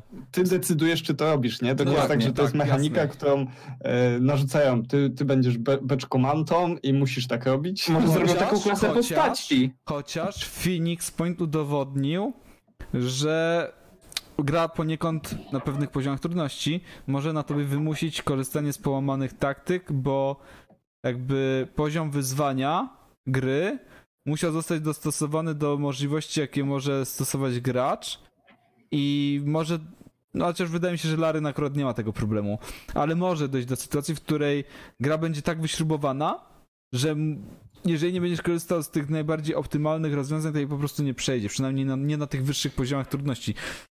A jeżeli oni będą musieli brać poprawkę na to, że uwzględniają w mechanice gry e, takie rzeczy jak właśnie no, abuzowanie systemu wagi przedmiotów i, i elementów świata, no to też może się okazać, że może niekoniecznie korzystając z tego e, będzie trzeba przechodzić grę, no ale uniemożliwi to przechodzenie gry takim buildem, który niekoniecznie jest optymalny, ale bardziej fabularnie Imersyjny? odpowiada. Tak, bardziej imersyjny, no. Znaczy wiesz, nie, Szymon? e, head leć. Tak jest. E, Dobra, to no, powiedziałbym, że myśl, myślę, że w przypadku Lariana pokusa jest silna, bo jak gra się w te Divinity Original Sin, to te uniwersum pasuje do tego bawi- robienia głupich rzeczy poza, poza fabułą czy, czy, czy w mechanice Mechanicznie. rozgrywki, Mhm, bo tak. mechanicznie, bo, bo te, te lore tego, tego uniwersum, ten świat, te postacie, one są takie cudaczne i, i Pokręcone. Mhm. pokręcone i to, to wszystko pasuje. Natomiast właśnie w przypadku Baldura jest ten, jest może ten problem, że, że on był bardziej taki stonowany i, i w, fabule dostaniemy high fantasy, a w gameplayu takiego Terego Pratchetta, gdzie wszystko jest możliwe. Tak? I To się No trochę nie wiem, kłóci, takie- moim zdaniem. może się to kłócić, Mhm. może się to kłócić. Rzeczywiście wydaje mi się, że to, to, to, to już jest właśnie specyfika tego silnika i no ja szczerze mówiąc jestem trochę zdziwiony, byłem zdziwiony trochę tym, że Larian tak mocno idzie w ten właśnie cuda, cudaczny gameplay, gdzie możesz tam, nie wiem, rzucać beczkami i podpalać jakieś ropę, czy, czy skakać po, po skałach i tak dalej. No ale mm, Znaczy, podpalanie to ropy jest okej, żeby nie było tutaj, że Tak. ja hejtuję wszystkie Tak, mechaniki. tak, tak. Niektóre mechaniki Larianu bardzo mi się podobały, one są bardzo RPGowe, No- że no to nie tak, masz tak, tak, że muszę wyczarować olej, żeby móc go podpalić. Nie, no mogę, jestem kurde magiem. Myślę o tym, że stoję na po, y, po, połaci terenu, która jest łatwopalna, więc zamiast E, tak. walić z, nie wiem, różdżki mrozu, rzucę nawet p, p, ognisty m, pocisk i wykorzystam teren, bo magowie też polegają na tym, że są inteligentni, nie? Ale w momencie, w którym... Jasne, jasne. Bardziej, bardziej mi chodziło o e, bardziej mi chodzi o taki e, kanoniczny element mechaniki polegający na tym, że ubierasz wiadro na głowę, żeby ludzie nie rozpoznali, że Tak. jesteś nieumarły. Tak, E, no, to... Jakby Mhm. Domyślam się, że no, w, w Baldurze też tam, nie wiem, ubierasz kaptur, to też nikt cię nie, roz, nie rozpoznaje, że jesteś wielkim magiem, możesz się przekraść, ale, ale jednak to jest inny poziom absurdu, więc jakby jest tam, jest tam jaka, jestem, byłem trochę zdziwiony tym, spodziewałem się, że ten Baldur będzie bardziej przyziemny i pozbawiony właśnie tego takiego, e, tych Mhm. wygłupów, ale czy to zepsuje, no to musimy zobaczyć, bo to raczej będzie, jak bardzo będzie cię kusiło, żeby być e, e, reprezentantem jakiejś szanowanej klasy czy frakcji w fabule, a poza robieniem dialogów bycie największym kretynem w całym uniwersum. Nie? I- Miętanie beczkami. I jak Tak. bardzo ci będzie przeszkadzała świadomość obecności takich możliwości w grze, nie? Tak, Jakby tak. ja tylko zmierzam do tego, że wbrew pozorom mechanika gry w RPG-u może, nie musi, ale może e, wpływać na poziom imersji i na takie poczucie, Na nie? W, jak wspomniałeś, w grze y, Larianu, w sensie w Divinity Original Sin 1 i 2, z uwagi na charakter tego świata, mi to zupełnie nie przeszkadzało, wręcz uważałem to za mocny atut, bo to super, że e, mechanika gry dostosowywała się również, została dostosowana do realiów tego świata, ale na przykład w takim Baldursie by mi to przeszkadzało, gdzie na przykład y, w nawet tych starych Falloutach, czy a, dajmy na to Gotiku, spoko, jeżeli byłaby jakaś zabawna, dziwna interakcja, nie przeszkadza mi to, jeżeli byłaby zachowana mechanika taka, która miałaby utrzymać powagę, powiedzmy, tytułu, też jest okej. To tam nie ma to znaczenia. Czy są tytuły, w których nie ma to znaczenia? Są tytuły, w których jest to istotne, żeby były takie dziwne elementy i są takie tytuły, gdzie moim zdaniem powinno się jednak unikać, nie? Ale to zobaczymy, wyjdzie w praniu, jak mówiłeś. E. No, nie, ja osobiście właśnie zastanawiam się, na ile oni, jak oni targetują tego Baldura, nie? Bo my na niego patrzymy z perspektywy fanów, powiedzmy, dwójki. Po- w Polsce fanów z Polski, ludzi tak. grało, grało w dwójkę, a tak naprawdę Ludzi, ludzi, którzy wiedzą, kto to jest Piotr Czączewski. tak, ale wydaje mi się, że oni mogą po prostu kierować tą grę głównie do ludzi, którym się podobało po prostu Divinity 2. Mm. I no oczywiście, no nie wszyscy będą z tego powodu zadowoleni, ale trochę może sobie za bardzo wyobrażaliśmy, co my byśmy zrobili z tą marką, a, a jednak to jest Larian, nie? I Jak to ta gra wygląda jak Divinity i To jest jednak. To jednak jest pewnie się trzymają tego, Jesus, nie? Belzy. Nie próbują tego chować, nie? Że udawać, że a my jesteśmy nowym BioWare. Ale to dobrze, w sensie i plus jaki z tego widzę, co prawda mniej e, gierkowy, a bardziej branżowy, to taki, że oni zdają sobie sprawę z tego, w czym oni są dobrzy i to szlifują. Więc z jednej strony teraz na, na etapie zapowiedzi, ale nie na etapie, gdzie faktycznie gramy w gotowy już produkt, może nam się wydaje, że to nie będzie do końca to, ale warto będzie mimo wszystko podejść do tego tytułu z otwartą głową i po prostu dać temu szansę, bo dwa razy, znaczy raz dałem szansę, za drugim razem już się nie obawiałem, więc nie nazwałbym tego dawaniem szansy, tylko po prostu kupiłem ich tytuł. Na dwa e, razy ani razu się nie zawiodłem, więc teraz myślę, że co najmniej zasłużyli sobie na ten e, benefit e, wątpliwości, nie? Kredyt zaufania. E, Zaufania, tak. dokładnie. Plus jeszcze ja mam nadzieję, że ta gra będzie mocno przesadzona i przedobrzona, bo zauważmy, że to jednak jest trzecia część jakiejś serii, a już w Baldurze dwójce stawki, wydarzenia, wszystko było wręcz absurdalnie dokręcone i epickie, Eee, w więc... Fejrunie można takie mity, takie e, wałki kręcić, że nie, walka z bogami to nie jest żaden problem, spoko. Dokładnie, tak jak tam co wtorek, nie? No jasne. Znaczy, co, co, co drugi dzień jakieś tam miasto upadało z nieba, czy coś tam. Dzień jak coś. Do, e, chaotyczne, nie? dobre droły biegały po świetle, w świetle A my dnia. się beczek obawiamy. Tak jest. No.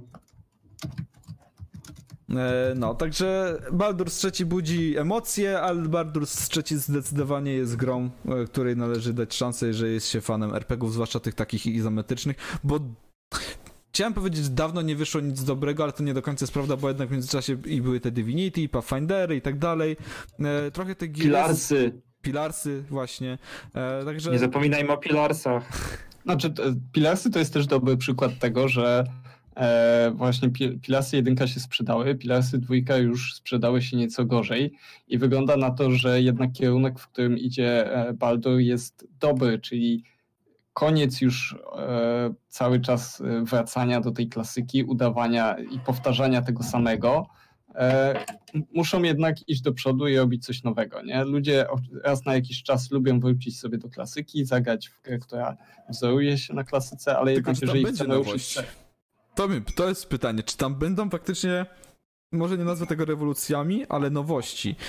Bo to, że oni wprowadzą coś nowego względem Baldura 1 i 2, to okej, ale czy wprowadzą coś nowego względem poprzednich swoich tytułów, nie? No, No system dedeków cały tak naprawdę, który jest inną mechaniką niż ta z Divinity. No tak, oczywiście, jasne. Co akurat mnie cieszy, bo bardziej do mnie przemawia system e, fitów i skilli i tak dalej niż e, ten system rozwoju postaci jakiś z Divinity. Też jest spoko, ale jeżeli mam oba... O, wiem. Jeżeli mam jakieś obawy względem tego, co do tej pory Larian prezentował, a co jakby się znalazło w Baldursie, to by mi trochę to, zas... to bym zasmutł. E, to jakby wizualizacja umiejętności, bo o ile zaklęcia wyglądają jeszcze spoko, tak te umiejętności wyglądają absurdalnie momentami, zwłaszcza no, w jedynce i dwójce Divinity, w obu tych częściach. E, Po prostu tak jakby na przykład ten przewrót czy przeskok widział bardziej naturalnie, tak u nich jest to mega, mega wyeksponowane, tak przejaskrawione. Mhm. I gdzie w Divinity to ma sens, w Baldursie totalnie nie będzie miało i jeżeli tam to tak będzie wyglądało, to będzie mi to przeszkadzało.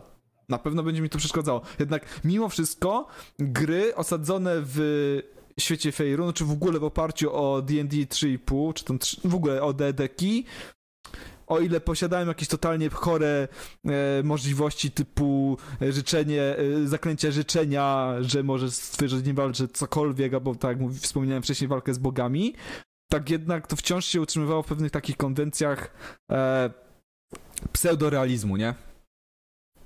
Mhm. No zobaczymy, jak to będzie. Znaczy, trudno teraz coś powiedzieć, ale mm, no, ja jestem dobrej myśli, nie? Że, że jednak e, trochę stonują te swoje właśnie absurdalne rzeczy i, i zostawią to na przykład na Divinity 3, nie? Mhm. A, ale też trzeba pamiętać, że ta gra i też e, ja nie oglądałem całego tego gameplayu, ale Arash o tym wspominał, że ta gra bardzo mocno opiera się na DND-kach, więc tu nie powinno być dużo rzeczy, które są niezgodne z e, tym systemem, bo tak jak mówiłem, pojawiają się rzuty kośćmi, jest dużo e, działań. Taki przykład, który Arash podawał i który widać też na gameplayu, jest taki, że mamy e, za skałą mamy skarb ukryty. Jeżeli podejdziemy naszą postacią, to nagle pojawia się rzut kością. Jeżeli nie wyrzucimy e, odpowiedniej e, cyferki, no to nie zobaczymy tego, że tam jest ten skarb. To w Znaczy- ogóle wyglądało strasznie absurdalnie w gameplayu, bo to była taka totalnie odstająca od reszty skał, jedna mała skała. tak. 100% musiało coś być, ale bohater nie mógł tego zobaczyć, bo źle rzucił kością. No, ale w sumie tak działają się nie martwię, o nie? wizualizację. I to jest właśnie w sumie dobry tego przykład, że mechanicznie jest to zgodne z zasadami D&D, Mhm. ale wizualnie no jednak to, że to widać, że tam coś jest, ale tego nie widzisz, bo nie zdajesz rzutu. Przykładowo No Pathfinder rację, robi to dużo tak, ciekawiej, to jest bo po dziwne, pierwsze sam rzut na percepcję jest ukryty, do, chyba że go zdasz, Mhm. A druga rzecz jest taka, że jak go zdasz, dopiero pojawia się ten przedmiot i, on, i one są tak zrobione, że one są de facto niewidzialne, ale w momencie, w którym się one pojawiają, to one się pojawiają w taki sposób, że one tak totalnie naturalnie wyglądają, jak element, który rzeczywiście no. mógł tam być i to jest super zrobione. Akurat jest- Znaczy tak samo było w Baldurze, nie? Że, że zawsze e, to był element tła, jakiś na przykład schowek, coś tam i dopiero jak wyczuliśmy go percepcją, to on był, było możliwe podświetlenie. Podświetlenie, go. no, no. To jest w ogóle strasznie absurdalne z perspektywy gracza, że idziesz bohaterem przez przestrzeń, w której teoretycznie nic nie ma, nagle pojawia się ta ikonka rzutu kością na, na ten, na intuicję czy tam spostrzegawczość, no to w takim momencie po prostu zaczynasz szukać dookoła niezależnie od wyniku rzutu, bo wiesz, że coś No jest. tak. Tak, tak. Dlatego, tak jak mówię, Ale- Pathfinder super to zrobił, że te rzuty per, na te percepcje są ukryte do momentu, w którym go nie zdasz po Dobrą rzeczą jest to, że jednak gra wyjdzie w early accessie O tak. I Twój głos, Cruiser, będzie miał znaczenie. Więc tak, będzie, będzie miał znaczenie, więc możliwe, że oni y, na razie ta gra jest na przykład zrobiona na silniku Divinity. Dużo rzeczy jest z Divinity, bo nie wiem, nie mieli czasu Takie albo, asety albo nie mogli zdecydować się na jakieś rozwiązanie i liczą na głos społeczności, że a to było fajne w Divinity, ale z tego to wywalcie, nie? Mam nadzieję, że to tak, taki mają plan, bo to, to by było fajne. I to by miało sens wtedy robienie early accessu, bo to jest trochę tak jak ten przykład e, tego remake'u Gotika, nie? Że jeżeli e, jakby e, próbujemy zrobić remake albo nową wersję gry, której poprzednich części my nie robiliśmy, to jednak warto roz- rozmawiać z fanami, nie? Warto jednak ich słuchać i, i nie narzucać e, niektórych rozwiązań, które mogą się im nie spodobać. A propos rozmów i y, głosów, które mają znaczenie, jestem ciekaw, co będzie z muzyką i z dubbingiem. E, muzyka była bardzo charakterystyczna w Baldurach jedynce i dwójce i szczerze, mało było później RPGów, które miały tak charakterystyczny soundtrack, taki wiecie, marszowy, dziarski.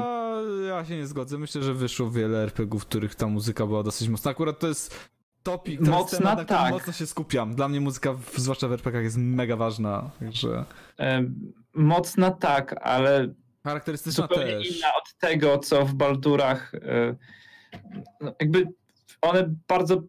Wiele z tych późniejszych RPGów ma jakieś tam punkty wspólne, a Baldur się mocno od nich odcinał.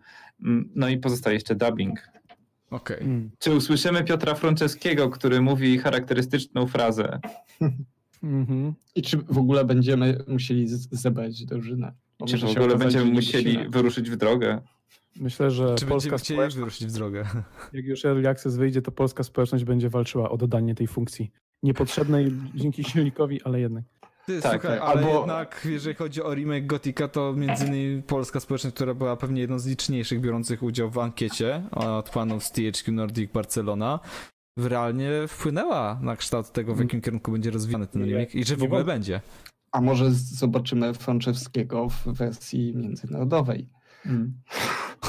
Albo jako narratora głos po prostu. Tak, albo wszystkie głosy robi, dubbinguje po prostu, tak.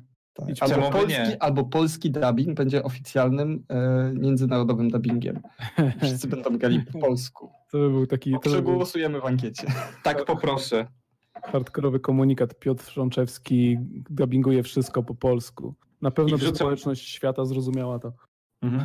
W jakiejś wersji premium czy kolekcjonerskiej to rzucą NPC e, z jakiejś dalekiej wschodniej krainy, Franek, kimono się będzie nazywał.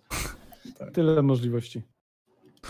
Zawsze jak nie, nie, nie będzie w Early Accessie, to zmoduje się, prawda? Mody będą na pewno. No tak, jest. na silniku Divinity to jest łatwe do zrobienia, z tego co widziałem. I fani zrobią swoje słuszne Baldur's Gate 3. Tak. Rzucą tam Mińska i Albo było. będą kolejne mody, które będą powstawały przez najbliższe 10 lat. Baldur's Gate 2 na silniku Baldur's Gate 3. Tak jak z Morrowindem jest na silniku Skyrima. Mhm. Ciekawe, czy któryś zostanie ukończony. Temat Baldursa III jeszcze powróci, tak jak Thanos, w kolejnej części już za tydzień, zdaje się. Dobrze mówię, Kwiściu? Czy coś pomieszałem? Zobaczymy jeszcze. Znaczy, Zobaczymy jeszcze. Dużo już rozmawialiśmy o Baldurze, więc y, zastanowimy się, czy jeszcze będą jakieś nowe wątki się pojawią, bo chcielibyśmy zaprosić Arasza, który był na pokazie, ale z tego co widzę, to niestety, ale twórcy wrzucili dokładnie ten sam gameplay, który widział Arash, więc A, czyli nie wiem, czy Aras Arash będzie mógł nam powiedzieć tego- coś nowego. Tak, Jego stracił nie ma status sensu, tak. unikalnego e, widza, który widział i wie więcej od reszty ludzi. Teraz jest zwykłym człowiekiem jak reszta z nas. Ale mógł się, mógł się nacieszyć przynajmniej w redakcji, jak przyjechał ten jeden dzień, to, to pokazywał Być bohaterem. Przychodzili ludzie z każdego piętra pooglądać, co tam Tak. I nikomu nie chciało się oglądać całości, więc No nie, no, wiadomo. miał wiedzę pełną i mógł opowiadać, co Tylko tu- on miał co to tak, znaczy. całość obrazu. My tylko puzzle małe takie. Tak. No. No. Dobrze, panowie, słuchajcie. Chyba wyczerpaliśmy wszystkie tematy przewidziane na dzisiaj. Chyba, że ktoś z was chcia, chciałby coś jeszcze poruszyć. Jakiś... E, chciałem zapytać, czy jeśli byłem tylko na końcówce podcastu, to dostanę kasę za cały? Aha. Ja to żart. żart. Nie, policzymy, policzymy, podzielimy na minuty, przeliczymy każdą minutę na, Okej. na złotówki i grosze i No dobra. Zobaczymy ile wyjdzie. dolary. E, także e, też pytam, znaczy pytam i, i tak zmierzam powoli ku końcowi z uwagi na to, że jak mam nadzieję dobrze wiecie, e, już za chwilę e, kanał przejmie Hiryu, który ma dla was streama e, z kolejnej gry. E, a- Dragon Ball Fighters tak bodajże. jest. Także kolejna bijatyka już u nas na kanale po 22, żeby nikt nas nie pozwał. E, a ja z naszej strony chyba przede wszystkim e, serdecznie Wam podziękuję za, za przybycie, za słuchanie. Zapraszamy na kolejne audycje e, z, w ramach podcastów Friendly Fire. A, Tak, co tydzień w czwartki. A Tak w piątki y, na Spotify'u. Tak, jak uda mi się wszystko przekonwertować. Dzięki, do usłyszenia. Także kłaniamy się nisko, do usłyszenia i do zobaczenia następnym razem. Hej! Na razie, hej. Thank you.